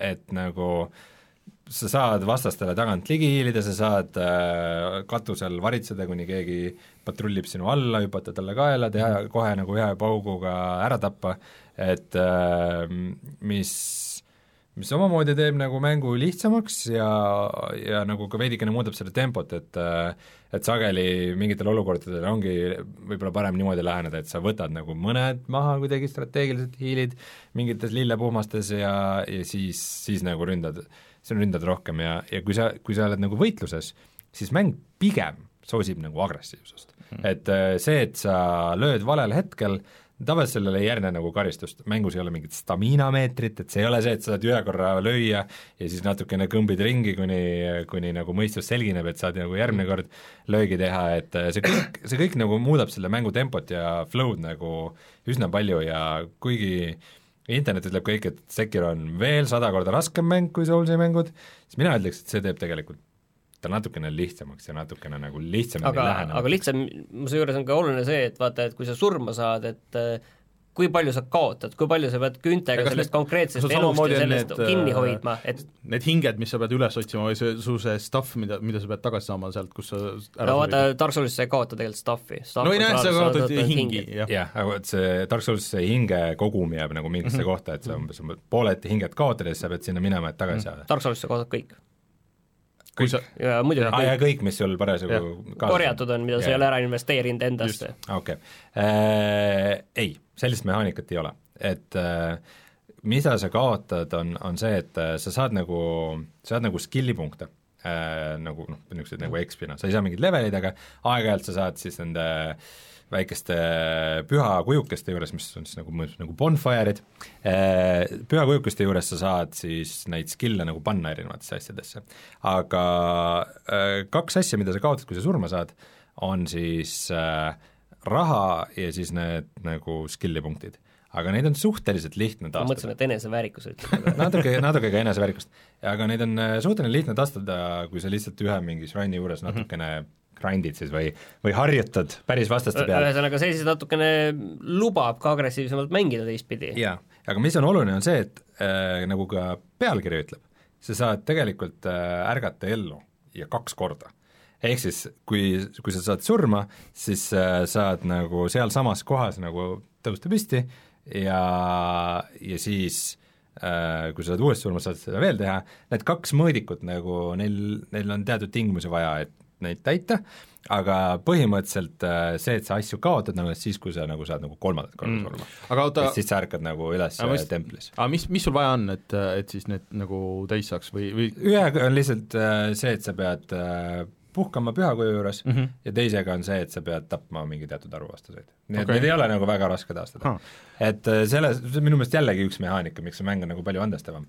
Äh, mis on nagu oluline veel selles progressioonis või selles, mida sa surmaga kaotad, on see, et sa ei saa juurde nagu statte -hmm. et äh, see ei ole, ta ei ole nagu rollimäng, kus sa saad nii-öelda leveleid mm -hmm. ja sa valid, et oo oh,, et ma panen omale jõudu või osavust nagu suuremaks nagu, mis on või... nagu põhimõtteliselt Dark Soulsi põhipoint, et sa lähed ja, ja teed mm -hmm. endale jõud pluss üks, vastupidavus pluss mm -hmm. üks, on ju, see on põhiasi. jah, täpselt, et seda mehaanikat ei ole, et sa saad nagu äh, äh, seda oma vitaalsust või mida iganes saad nagu suurendada teatud kohtades story's, et nagu kui sa oled mingid teatud bossid maha võtnud, et siis sa saad mingeid itemeid nende aga käest, millega saad seda teha? Mis sa siis saad selle Vaata, asemel? jah, et kui sa seda ma olen aru saanud, et sa saad mingeid erivõimeid lahti lukustada. ongi, et sa saad neid skill'e ah,. aga need skill'id, äh, kuigi nad on nagu huvitavad ja teevad asja lihtsamaks, siis nad ei ole nagu nii kriitilised, et see ei ole nii otsene nagu progressioon, et sa saad sa saad mingit teatud tüüpi blokke, et sa saad mingeid hüpates nooli blokkida või või et su, no üks skill, mis ma just võtsin, on see, et nagu noh, et elujoogid annavad sulle rohkem elu, on ju, et noh, oluline, aga aga mitte otseselt ka kriitiline, et äh, et, et, et seal on nagu niisugust, et, et päris seda nagu ei ole, et iga kord, kui ma surma saan, siis aa, mul nüüd mäng läheb järjest halvemini ja mäng järjest rohkem karistab sind, et nagu nii hull aga mulle on jäänud kõigist nendest videotest ja asjadest mulje, et et see on veits, kogu see mängu flow on nagu, natuke nagu Hitman. aga, aga selle vahega, et sa lähed, võtad kellegi maha ja siis, kui sa jääd vahele, mitte nagu Hitmanis, et noh, põhimõtteliselt sa oled sama hästi kui surnud, et sa hakkad reset ima, aga siis hakkab nagu see võitlus pihta, kus sa muutud vaata nagu agressiivseks ja, ja nii edasi, et natuke see, mida võib-olla nagu ka Zelda kohati üritas see Breath of the Wild nagu teha äh, mingites äh,, mingites osades. Seal äh, nendes lossides ja, ja nendes, et sa kõigepealt hiilisid ja siis, kui sa jäid vahele, siis, siis hakkasid nagu võitlema. Või Wolfenstein. Või Wolfenstein jah, et äh, mulle see, see kõik nagu ideeliselt muu- äh,, meeldib ja see, kui sa oled mobi-, kusjuures tead, mis seda muidugi kõige rohkem tegi, seda tegi ju Batman see Ark-, Arkami need mängud tegid ju väga palju täpselt seda. et sa nii palju äh, võtsid stealth'iga maha hiilides, kui sa said mm. ja kui sa jäid vahele, siis, siis sul oli hästi palju ka tööriistu nagu selleks kaklemiseks Äh, Bat-, Batmaniga ma ei ole nõus, ole. Batmaniga oli ikkagi üsna selgelt oli nagu eristatud, et mis olid need äh, sektsioonid, kus sa pidid nagu stealth'iga maha võtma ja mis olid need, kus sa pidid võitlema. aga see hiilimine, ma saan aru, on ikkagi üsna selline oluline erinevus seal Soulsi mängudega. Ja see väga hästi imestab, või ilmestab ka seda, mis on nagu seal põhimõtteline erinevus Soulsi mängu, sellepärast et Dark Soulsis on ka hiilimine olemas, on ju. Mm, -hmm. seal on ka see olemas, et sa hüppad kuskilt peale kellelegi või selja tagant tuled, sa teed rohkem vigadele, sa võid seal korraga maha võtta vastase, on ju, see on ka olemas, aga seda nagu kunagi, mitte kunagi mängu jooksul ei seletata, et nii on ka võimalik ja see on päris kuidagi... kohmakas ka, on ju. see on kohmakas ja see on kindlasti raskem siin, noh, seal ei ole seda nii-öelda hiilimise liigutustki ei ole, on ju, et sa saad nagu hiilida selja taha ja seda, aga mm -hmm. põhimõtteliselt, kui sa lähed selja taha ja teed selle, siis, siis on see tehtav. aga see on samamoodi, et nagu paljud muud asjad on selles, et et Soulsis on mingid nähtamatud sellised asjad seal mehaanikad taustal, siis päris selliseid nähtamatuid asju nagu Sekiros ei ole äh,. Muidugi me ei ole jõudnud nagu selle õige nagu võitluse juurde ja siin on tegelikult ka ikkagi väga suured erinevused, et et äh, enam ei ole nagu niivõrd eesmärk see, et sa pead vastase seda eluriba allapoole kraapima.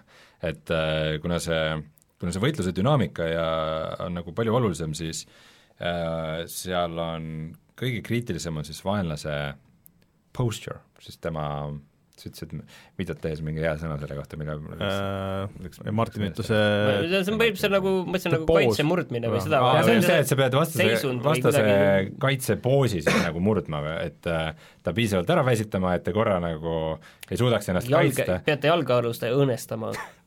See ei ole kindlasti hea, hea sõna selle kohta, aga mm, ehk siis et see vaenlase kaitse murdmine on nagu isegi olulisem kui see, et sa lihtsalt tema eluriba mm -hmm. nagu tükid, sest igaühel on mingi teatud arv niisugust äh, hõõguvat elujõudu tema sees mm, -hmm. mida, tavalisel vastasel on üks, bossil on ütleme kaks-kolm võib-olla, et et sa pead nagu need, need, need saama maha ja see, see kaitsepoos siis nii-öelda, ta taastub et see ongi see, et sa pead nagu ikkagi pidevalt nagu agressiivset pinget peal hoidma vastasel äh,. Aga ta taastub aeglasemalt, kui on elusid vähem, et nagu okay. noh, mis tähendab ka seda, et et erinevatele bossidele peab nagu erinevalt lähenema, aga ideaalis on see, et sa äh, blokid väga hästi äh, või noh, pärrid, pareerid ja õigel hetkel tehtud pareerimine on siis nagu deflect imine, et sa mm -hmm. nagu nagu nii-öelda suunad rünnaku, ta, suunad rünnaku tagasi. jah, ja siis peale seda on kohe nagu hea hetk ka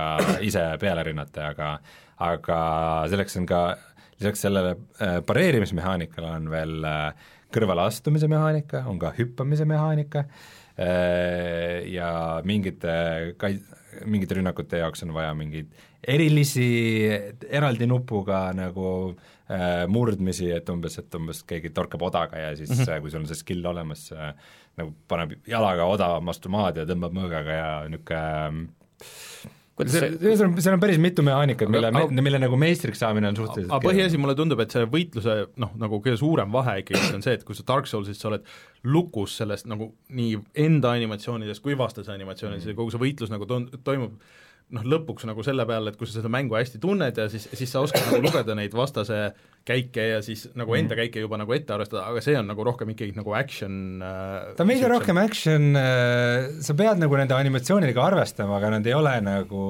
nii nii nagu ahistavad, et, et mulle nagu Dark Soulsis tegelikult ikka üldse ei istunud see, ma saan aru, see käib mängu juurde, aga mulle ikka üldse ei istunud see, et sa, see, su tegelane hakkab mingit seda löögianimatsiooni tegema ja siis sa vaatad, okei okay,, ma tegin selle valel hetkel, ma pean passima ja ootama. seal on pigem see, vaata minu meelest on see, et kui sa teed selle animatsiooni ära, siis pärast animatsiooni on mingi see nii-öelda väike puhkepaus pärast seda, kus sa põhimõtteliselt ei saa veel kohe liigutada mm -hmm. tegelast, et sa oled mm -hmm. mitte isegi selles animatsioonis kinni, vaid selles animatsiooni järgses puhkepausis oled kinni. võib-olla küll, jah.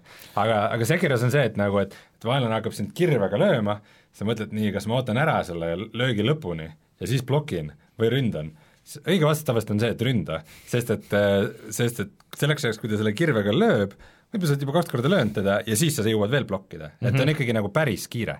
et, et sul, et su tegelane on kiire, tal on rohkem aega nagu teha asju ja minu meelest see teeb selle mängu juba nagu tegelikult lihtsamaks või andestavaks. aga sina mängid nüüd äh, arvuti peal seda hiireklaviatuuriga. äh, hiireklaviatuuriga, aga kuidas see nagu noh, ja see asi ka muidugi, Dark Soulsi, okei okay,, Bloodborne võib-olla nägi nagu kõige parem nendest ikkagi välja, nendest mm. eelmistest mängudest, noh, Dark Souls üks ja kaks on nagu legendaarselt nägid isegi nagu pigem nagu halvad välja, et mulle tundub, et siin nagu see stiil ja see graafiline pool kui selline on nagu ikkagi nagu hoopis teisel tasemel kui, kui nendes vanades. ma ei tea, mulle ta graafiliselt tegelikult väga ei meeldi mm., minu meelest see ükski see Soulsi sari nagu ei ole graafiliselt väga äge olnud, et ta on nagu ta on nagu tehniliselt okei okay,, aga kuidagi niisugune kunstlik, et et, et mingitest veidratest juppidest kokku panna need tekstuurid ja asjad ja need ka kuule, ikka väga hea, et me hakkame siia jõudma, selle sellepärast et sa oled mängu siin viisteist minutit kirjeldanud, aga Mm. nüüd ma proovin nagu aru saada, et kas see sulle Aa. tegelikult ka meeldib või ei meeldi või on see nagu sinu meelest hea mäng või halb mäng? tal on, tal on nagu noh, kuna mina olen mänginud ainult Dark Souls kolme, siis ma Dark Souls kolme nagu kuidagi minu jaoks ta nagu veidi samastuski kogu selle seeriaga, et mingid asjad, mis mulle ei meeldinud, võib-olla käivad selle seeria juurde, nagu seesama animatsiooni lukus passimine on ju, mis minu jaoks mängus on suhteliselt imelik. Mulle meeldib see Sekiro nagu liikuvus ja kiirus ja äkilisus mm -hmm. ja ja minu meelest see on äge ja noh, samal ajal, kui sa oled mingi mingi mitme vastajaga satud korraga, siis võivad asjad nagu väga puserite minna, kuigi enne sa lõikasid neist läbi nagu sulavõist ja see, see on ka nagu äge. Samas on tal mõned niisugused Soulsi mängu puudused, et äh, vahel on see tunne, et nagu vaenlane kuidagi lukustub sinu külge ja sa võid ümber tema teha ringe ja hüpata, aga ta nagu käib sinuga kaasas, kuigi nagu see mm. tegelaskuju, kellega sa võitled, isegi ei vaata sinu poole või nagu noh, niisugused, niisugused, niisugused imelikud momendid on ja mul oli üks, üks moment umbes mingi teise või kolmanda mängusessiooni ajal, kus kus vahepeal on vastasteks nagu mingite samuraide ja bandiitide vahel on kanad, nagu, nagu reaalselt mingid musta värvi kanad, mingi Kuked. põõsas või isegi kuked vist jah, et põõsas on mingi must kukk, lähed juurde, isegi ei ole raske vastane, sa lähed, tapad ära nagu, okei okay,, miks see kukk siin oli? Ja siis ühel hetkel oli see, et, et ühes kohas olid ühes hoovis äh,, rüüstatud külahoovis, oli mingi neli või viis kukke ja siis ma tapsin mingi esimesed kolm enam-vähem stealthiga ära ja siis kaks jah, selja tagant liikusin ja tapsin kukkesid. ja siis järsku ründasid mind kaks kukke korraga ja ma kuidagi, see, see koht oli nii kitsas ja ma kuidagi ei saanud nende vastu, ma ei suutnud positsioneerida ja siis need kaks kukke tapsid mind ära ja siis, siis ma nagu, siis ma nagu vaatasin aega seda menüüd, et päriselt mingid kaks kukke tapsid mind selles mängus ära, kus ma nagu muidu olen mingi, mingi võimas nagu mingi ninja sõdalane, kes mööda katuseid ringi hüppab ja Mina siis ma, ma kartsin panin küll- mängu kinni ja ma ei teinud seda päris mitu päeva lahti, et ma väiksena kartsin küll kukkesid, need olid ohtlikud jaa, kusjuures äh, mul on ka tõmmatud see on ikka kukk ju tuleb, see ei ole naljaasi kui ma olin nelja-aastane, siis mul äh, kukk hüppas selga, künnet surus lihasse ja nokkis mul selja ma tees. kujutan ette, et selle Hani võib olla mingi korralik lõpuboss ikka, kui sa oled ikka neid nokkasid näinud, põhimõtteliselt kümme senti põhi luist nokka, mis hakkab taguma Haned pidid olema väga agressiivsed ka, nii et yeah. Okei, okay, aga, aga, aga mulle, minu, mis mulle tegelikult meeldib väga, on see see kogu see feodaalse Jaapani teema, ma ei mäleta, millal ma mängisin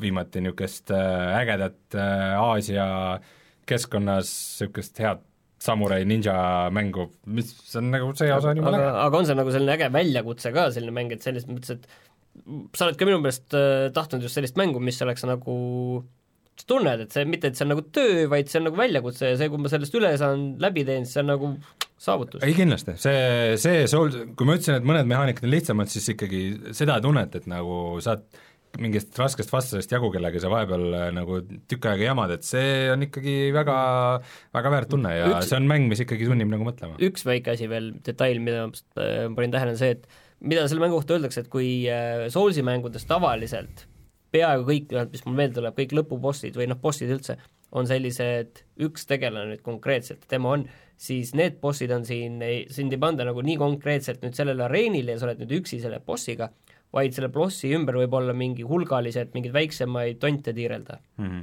et see omakorda, ma saan aru, teeb seda raskemaks, aga... aeganõudvamaks, see, et sa pead need väiksed enne ära võtma, seal hiilima, nendega tegelema. ega see on omamoodi ikka lihtsalt tüütu, selles mõttes, et kuna see stealth on ka mängus, vaata, siis ongi see, et siis sa saad minna, minna võitlusesse, tapad kolm tüüpi võitlusesse ära, jooksed minema ja siis tuled tagasi, et see on aga üks asi, mis ma arvan, et miks, miks see võib olla sulle natuke lihtsam, on see, et äh, sa mängid arvutil, äh, kus on noh, sul on vähemalt kuuskümmend kaadrit sekundis jookseb see seal. ma tean vist lukus kuuekümne. jah, äh, aga kõikidel konsoolidel, isegi X-il ja, ja PlayStation neli Prol, ta on küll lahtise selle frame rate'iga, aga see hõljub seal kuskil kolmekümne kandis, mis Aa. seda tüüpi mängul võib isegi nagu mõjutada seda mängitavust okay.. ei, kindlasti jah, see pareerimise õige ajastamine, ma arvan, et siin on kuuekümnest kaadrisagedusest kasu küll, nii et et, et äh, aga kui... nii palju ka kommentaariks, et nagu hiire klaviatuuriga mängimine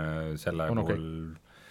Esimene moment oli lihtsalt see, et sa paned mängu käima ja ta annab sulle kõik need promptid ja asjad, annab need äh, puldi omad.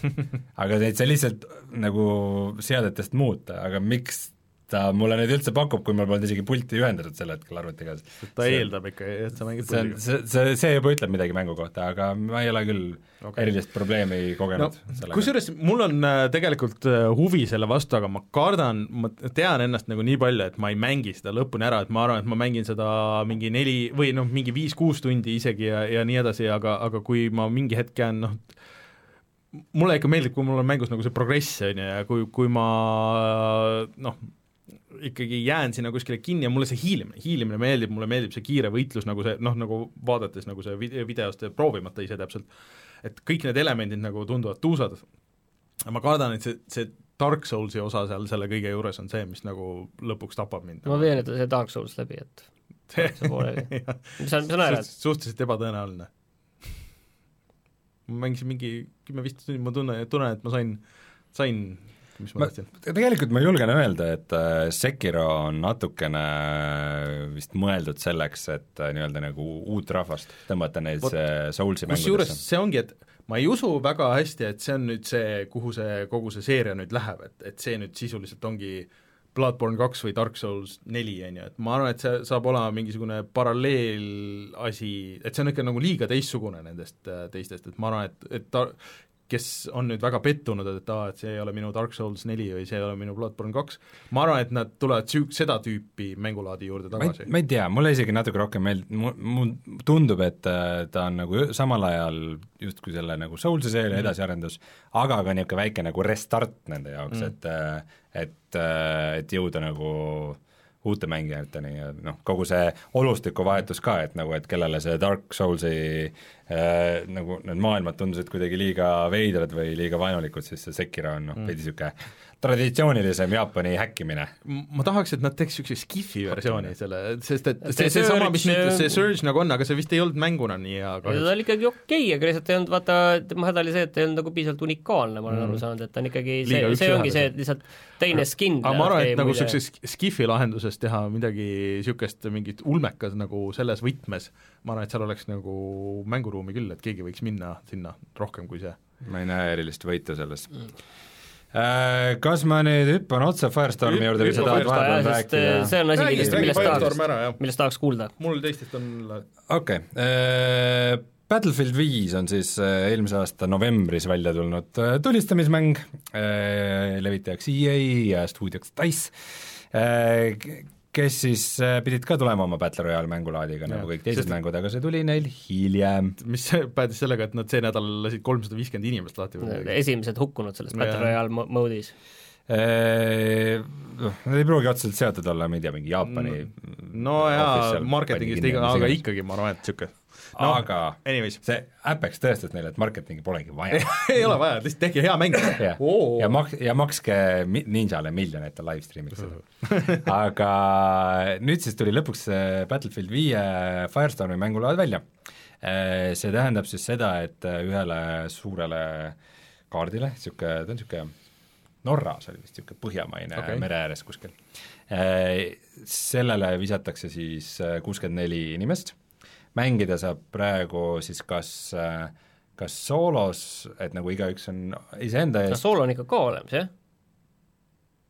minu arust küll, jaa. aa, okei okay,, ma sain, ma sain aru, et seal on tiimidega. või, või siis, või siis squad'is, mis on siis neljased tiimid Okei. ja millalgi hiljem tulevad ka kahesed, aga praegu ei ole kaheseid. Aga noh, neljases sa võid minna kas oma sõprade tiimiga või randomisse, et noh, see, see ei eelda, neljases mängimine ei eelda nagu oma tiimi olemasolu. Ja siis sa hüppad äh, lennukist alla, valitud kohal, see, põhimõtteliselt see ring on nagu iga kord selle kaardi peal veidi erinevas kohas, et need servades ei ole nagu mm -hmm. päris identsed äh, aga noh, päris nagu nii suur kaart ka ei ole, et see ring nagu seal sees väga eri kohtades oleks. aga ja siis öö, hüppate alla, ring hakkab järjest kokku tõmbama, lõpuks jääb siis kas üks inimene või üks squad ellu. Aga mis, mis siis seda nüüd, esiteks, sa võtsid siis äh, selle esiteks see, kuidas seda mängida. See on väga hea küsimus, sellest et äh, õnneks äh, nad on ise oma lehel, teevad selle üsna nagu arusaadavaks mm. -hmm. Sul on kolm võimalust. esiteks see, et sa ostad Battlefield viie mm, -hmm. mis praegu on siis ametliku hinnaga kolmkümmend euri, mis on nagu päris nukker muidugi no natuke nukker, aga, aga see on põhimõtteliselt äh, siis infoks kõigile, et nagu kuuekümne eurone mäng kuu aja, kuu aega peale väljatulekut oli ta juba ametlik hind poole väiksem. jah, et äh, isegi kaks või midagi niisugust nädalat, siis oli neljakümne peal juba ja mm, -hmm. ja siis äh, ühesõnaga kukkus seal. et see hind püsib, et äh, sa saad lihtsalt minna, osta kolmekümne daala eest mängu, sa saad sellega selle Firestormi mängulaadi ja kõik muud asjad ka, üksikmängu, mitmikmängud, kõik asjad. Teine variant on siis see, et et need äh, EA kuuldasused, põhised asjad siis Origin Access siis. Origin Access, Access, neil on siis nüüd see jaotatud kaheks äh, v- vooruks, et äh, järguks. et viieteist euro eest kuus saad sa mängida põhimõtteliselt kõiki EA mänge, nii palju kui süda lustib, mingid Anthemit äh,, igasuguseid mm, -hmm. ma ei tea, Fifat, kõik asjad nagu ja seal ei ole nagu mingisugust limitatsiooni mm. -hmm. Äh, aga sellel on ka odavam osa äh,, ehk siis neli euri kuus äh,, mis äh, millega sa saad mängida nagu nii palju, kui süda lustib, mingeid vanu mm, -hmm. vanemaid või odavamaid mänge äh,, aga Battlefield viite saad mängida kümme tundi sellega mm. -hmm. ja ma võtsingi praegu selle, nii et ma maksin neli euri ja nüüd ma saan kümme tundi mängida Battlefieldi, kui see mulle meeldib, siis ma ilmselt ostan ta ära Äh, ma ei ole veel päris seda otsustanud, eks see sõltub natuke ka sellest, mis mu sõbrad teevad, aga praegu juba esimene hinnang mängule, et praegu pigem tundub, et ma ostan ta ära mm..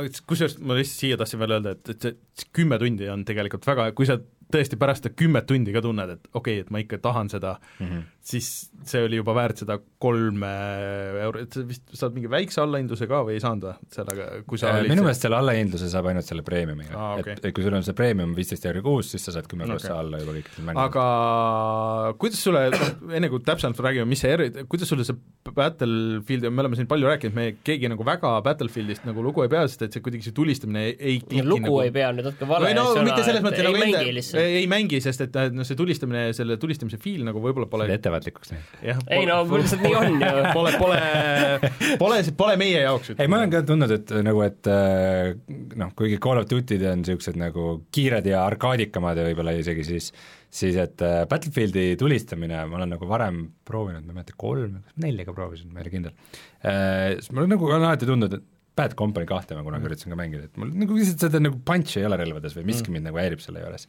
ja see ke- kehtib ka minu jaoks Battlefield viie jaoks mm, -hmm. aga noh, see ei tähenda, et ma ütlen, et see tulistamine oleks halb mm, -hmm. et seda ta kindlasti ei ole Äh, mind nagu mitu inimest hoiatasid, et et enne kui sa sinna Firestormi lähed, et äh, tee ikka natuke nagu tavalist multiplayer match'i ka või nagu või no mingit single player'it, et proovi sellele feel'ile pihta saada ja mida iganes, et nagu noh, ma tahan sinna Firestormi minna, ma tahan seda mängida. ja, ja mm, mis esimesed mängud kohe ütlesid, et see ei ole raketiteadus, sa, sa sihid vaenlase poole ja tulistad, see on nagu ikkagi suhteliselt lihtne nagu, mul, mul, mul nagu klikkis kohe see, et mul ma ei tunne küll, et see Battlefield nagu kuidagi oleks erinev, et pigem ma ütleks, et mul läks nagu algusest peale juba suhteliselt okeilt. Okei. Okay., eh,, arvestades, et nagu relvadest ja asjadest nagu ei jaganud veel väga mõhkugi. Aga ütle kohe ära, et mis siis seda eristab äh, kõikidest nendest teiste äh, mängude no esimene, esimene tunne, ma ütleks äh,, ma ütleks nagu üldise niisuguse kirjeldusena seda, et äh, kui me ütlesime siin, et äh, ma ei tea, et Apex on umbes, et äh, no oma mängitavus tundub, tundub, et ta just nagu kõige rohkem konkureerib selle Blackoutiga et siis äh, äh, Call of Duty Blackoutiga, siis äh, siis Battlefield viis ma ütleks, et on kõige kõige nagu oma mängitavuselt äh, ja sellelt nagu taktikaliselt -hmm. nagu kõige ilmselgem vastus praegu pubgile ikkagi mm.. et, äh, et ta ikkagi üritab nagu nabada inimesi sealt äh, pubgi rahvast mm, -hmm. kuigi tal on see inventory süsteem nagu tehtud väga lihtsaks, sa ei pea mingeid relvadele mingeid juppe leidma mm, -hmm. sihikuid, asju, mitte midagi niisugust eraldi ei ole, sul lihtsalt relvadel on nagu kolm mm, järku, on mm -hmm. roheline, sinine, roosa ja, ja noh, et kas, sellest sõltub, kas tal on mingi optika küljes või mingisuguseid okay., mingisuguseid äh, lisaboonuseid, suurem mm -hmm. salv või mis iganes, et sa ei pea ise vahetama mitte ühtegi juppi seal. või ammot peab natukene manageerima, aga, aga see on ka kõik. mis äh, alguses nagu tunduski see, et nojah, et see on Battle Royale nagu, mis mm -hmm. siin ikka, nagu hüppad alla ja tulistad inimesi ja proovid ellu jääda, aga Ähm, aga pika, pika peale nagu või paari õhtu peale, alguses meil oli hästi palju sõpradega tehnilisi probleeme ka, et me ei saanud mm. nagu sisse ja kellel jooksis kokku ja kellel ei leidnud matši jaoks inimesi teisi ja mm. no kuidagi kolmapäeval tuli mingi update ja kõik läks väga palju paremaks. aga mida ma nagu päris kiiresti hakkasin hindama, oli see, et et seal saab hävitada asju et Aa, äh, maju, maju mm. peamiselt, aga no ka see, et sa, seal on näiteks tankid mm -hmm. ja mingeid muid autod, traktoriga võid ringi sõita, igasugused mingid äh, Teise maailmasõja aegsed luksusautod või sportautod isegi okay. ja pickup truck'id ja half truck'id ja igasugused asjad ja sõid need, noh, puudest saad läbi sõita ja puud lähevad katki mm -hmm. ja ja aga majadega on jah see, et sa võid, kui vaenlane kuskil on peidus majas, siis äh, lased mingi tankirusikaga vastu seina või paned sinna dünamiidi ja sa lased nagu maja õhku ja lõpp-peldikus passimisele või mm.? no täpselt. ei saa vannis peita ennast. et, et see on ikkagi, see muudab nagu asja mm. ja see see ring siis ei ole lihtsalt mingi sinine elekter või asi, see ring on nagu siis tulemüür, mis mm -hmm. nagu tuleb ja kui sa jääd sinna sisse, sa ei näe midagi, nagu sa saad tämmi ja sa, sa oled ikka suhteliselt nagu pimestatud ja üsna hästi pead arvama, kuhu poole sa üldse pead jooksma, et nagu, aga see on nagu, nagu erinevalt teistest mängudest, kui see, et sa nüüd tuled ringist ja näed vastaseid teatud määral, näed selja tagant seal väike virvendus võib olla, on ju, et aga see annab sulle mingi sellise eelise. seal, seal on ikka jah, see, see, kui sa oled ringist väljas, see on ikka jama nagu, et äh, seda ei tasu teha okay., pluss see, et äh, see tule, tuli hävitab kõik oma teel. et kõik majad, autod, asjad, et üks hetk me jäime nagu ringist maha veidike, saime tükk aega joosta nagu ringiga kaasas ja ümberringi kõik lihtsalt plahvatas ja varises kokku ja siis me, siis äh, üks hetk ma jõudsin just, kuna ma ei näinud midagi, siis, siis ma jooksen nagu vaatan hm,, kas see on propaanitank ja see, ja see oli propaanitank ja ma sain sealt lisatämmi, et see plahvatas veel minu juures ja nagu Äh, see teeb selle asja ikkagi hektilisemaks ja need tulevahetused ja taktikalise nagu mõtlemise, et mis granaadiga sa mingeid asju viskad ja selle ka nagu ägedamaks. ja tankidega on see, et äh, kõige võimsamad tankid on äh, mingites punkrites peidus et äh, sa pead kaks mingit ratast keerama lahti ja selle sul on kahte läheb... tüüpi vaja, selle jaoks, kahte inimest vaja selleks? põhimõtteliselt saab üks inimene ka teha kõigepealt ühe Aa, ja siis teise okay. lahti, aga see võtab hirmus kaua aega mm.. aga seal on üks suur konks vist enda juures? et samal ajal hakkab alarm väga kõvasti karjuma Aa, ja okay. seda kuuleb enam-vähem kaardi teise otsa nagu, et aga, nagu aga ma olen aru saanud see, et need punkrid on ainult kindlates kohtades, see on kogu aeg samas kohas, et siis kas need tõmbavad veits nagu rahvast ligi ka,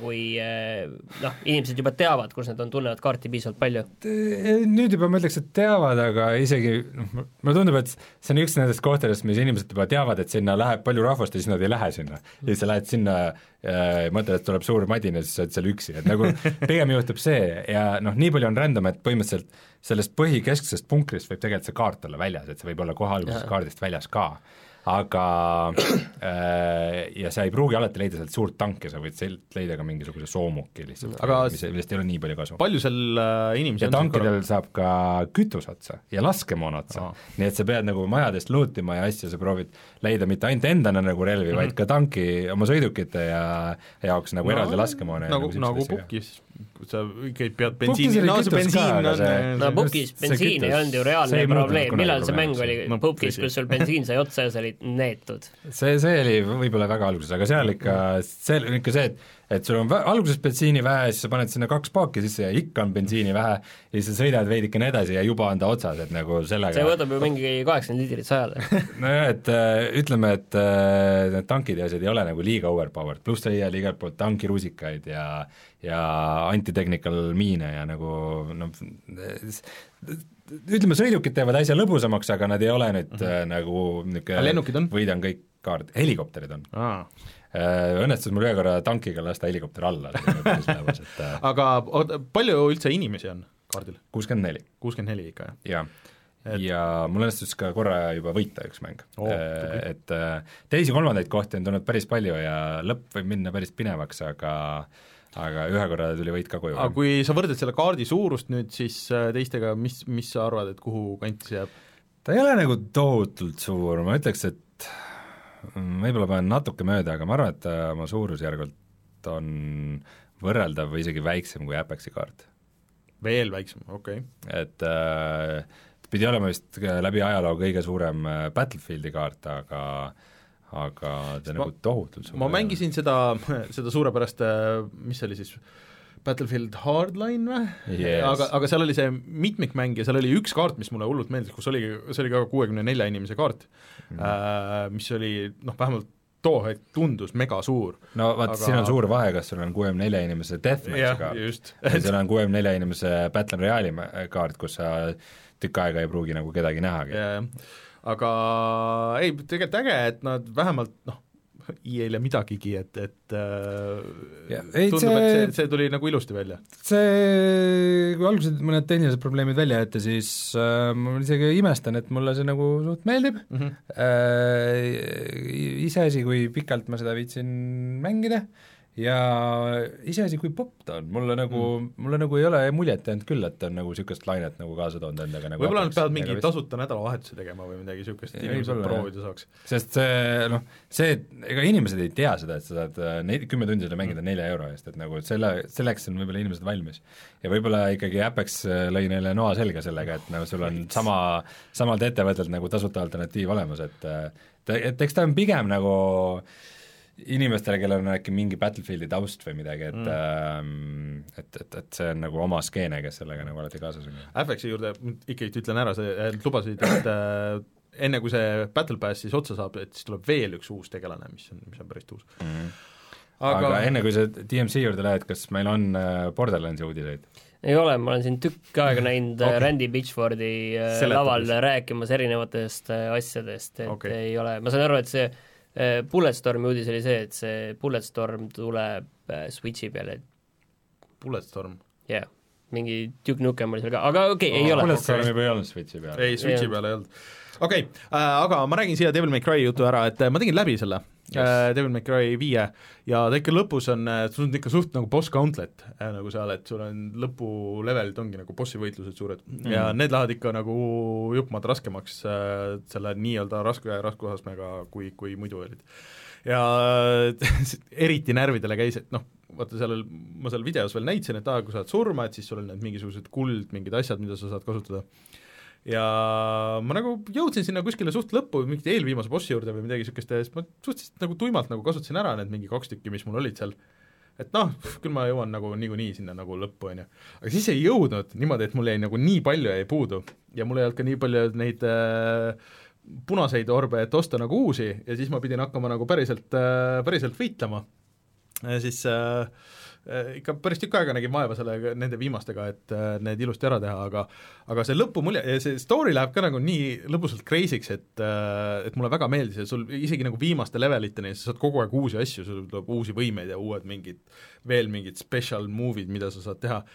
Et kui sa teed mängu läbi, siis sa saad põhimõtteliselt minna, ongi nagu New Game pluss, sa lähed uuesti algusesse, mängu läbi tegema kõiki nende uute võimetega, mitu seda uut äh, raskusastet, seal on päris äh, naljakas äh, ma ei tea, miks seda esimese selle raundiga ei olnud, et nüüd iga kord, kui sul tuleb uus vastane ja sa tapad esimest korda uue vastase ära, siis sellest tuleb, sellest kill'ist äh, tuleb niisugune screenshot nagu, et mm. okei okay,, see vastane suri niimoodi. ja siis sa üritad täita oma mingisugust entsüklopeediat sellega. päevikut. jah äh,, aga no see uus äh, round tundus nagu ikka kõvasti raskem, et äh, et mingid niisugused tegelased või noh, kes muidu olid seal kuskil mängu keskel tulid või no, nagu vastased olid kohe seal esimeses levelis ja, ja nii edasi, et et see on ikka mõeldud nagunii.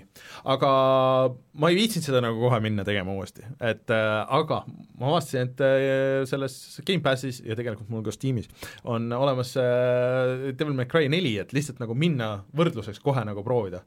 ja see oli nagu päris huvitav tegelikult, et äh, esiteks muidugi selle alguses mingi megapikk video, mis oli mingi hull mingi ooper ja see toon on nagu nii teine võrreldes selle Devil May Cry viiega et äh, see neli on ikka niisugune nagu ani-, anime, anime ja niisugune nagu Jaapan igatpidi ja, ja niimoodi ja, ja noh, puhtgraafiliselt ta on nagu niisugune nagu multikalikum või midagi niisugust äh,. Aga see mängitavus ise oli nii palju aeglasem, kui sa võrdled, et see aga, aga sul oli nagu samas, mulle tundus, et sul on nagu samas kontrolli rohkem oma tegelase üle, et sa täpselt vaatad, mida sa teed, et sul ei, ei ole kõik äh, ekraanpartikleid ja asju täis aga see tundus nagu huvitav, et ma natuke võib-olla tahaks mingi veel mängida seda, et, et äh, näha, kuhu see viib, et ma kunagi ammu-ammu, kui see välja tuli, kaks tuhat kaheksa, et siis ma proovisin demo vist, mis oli ka mingi võib-olla üks level või midagi niisugust mm, -hmm. aga nüüd, kui see, see special edition on seal olemas ja seal, seal oli ka mingi sada, sa said mingi kolme erineva tegelasega mängida kohe algusest valikust, mingid liinid ja mingid asjad, et äh, see tundus nagu päris hea deal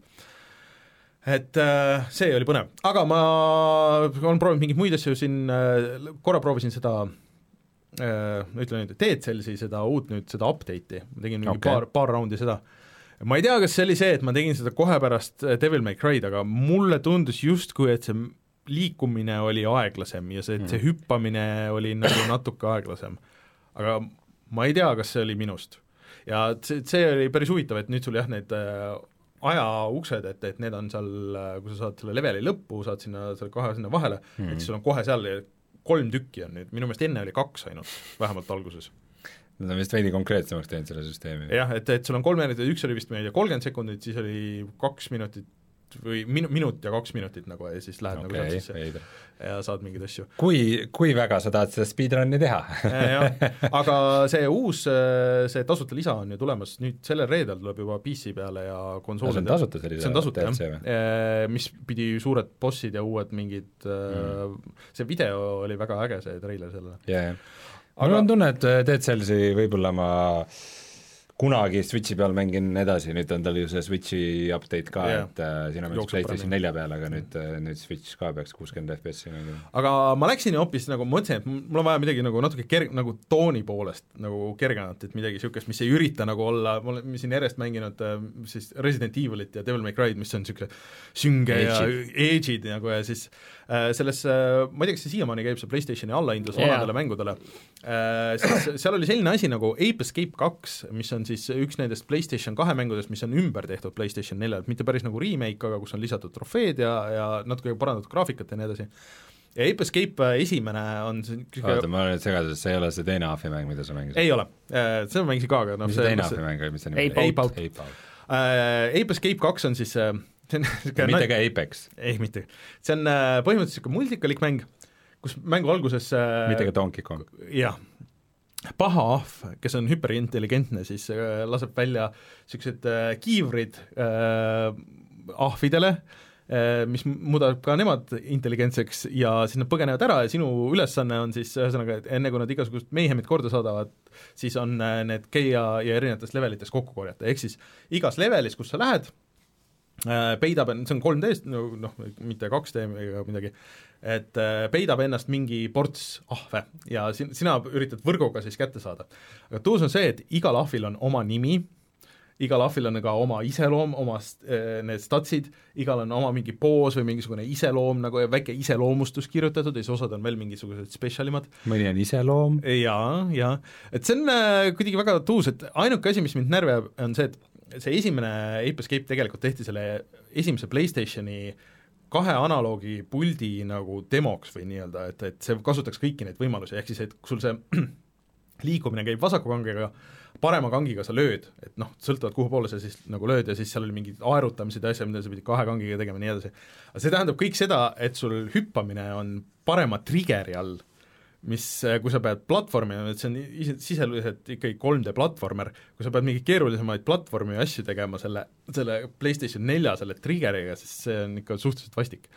aga üldiselt mulle see mängu selle vibe nagu hullult meeldib, et sul on niisugune mõnus, niisugune smooth jazz käib, üritad leida ahve, kes su eest ära jooksevad, siis lööd neile lasermõõgaga pähe ja uimastad ära ja siis võtad kurat äh, sellesse äh, korvi, et see on just täpselt see, mida mul vaja, et see niisugune, niisugune väga, väga chill on nagu see, see selle kõige juures ja see näeb päris hea välja, et ma ei tea, mis nad teinud on, aga niisugune hästi sharp on see.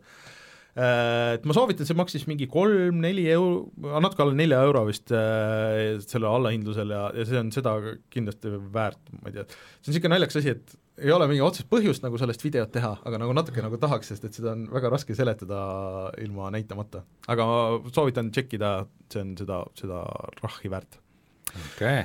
vot, aga mängud on mängitud, tuleme kohe tagasi ja tuletan meelde, et me kohe varsti jagame meie chatis ära ka siis need Mortal Combat äh, üheteistkümne beetad, nii et äh, kui te vahest tahate mingeid asju, siis tulge neljapäeviti meid vaatama laivis, puhata ja Youtube.com kaldkriips puhata ja mangida. aga tuleme siis kohe tagasi ja vaatame, mis on veel internetis odav.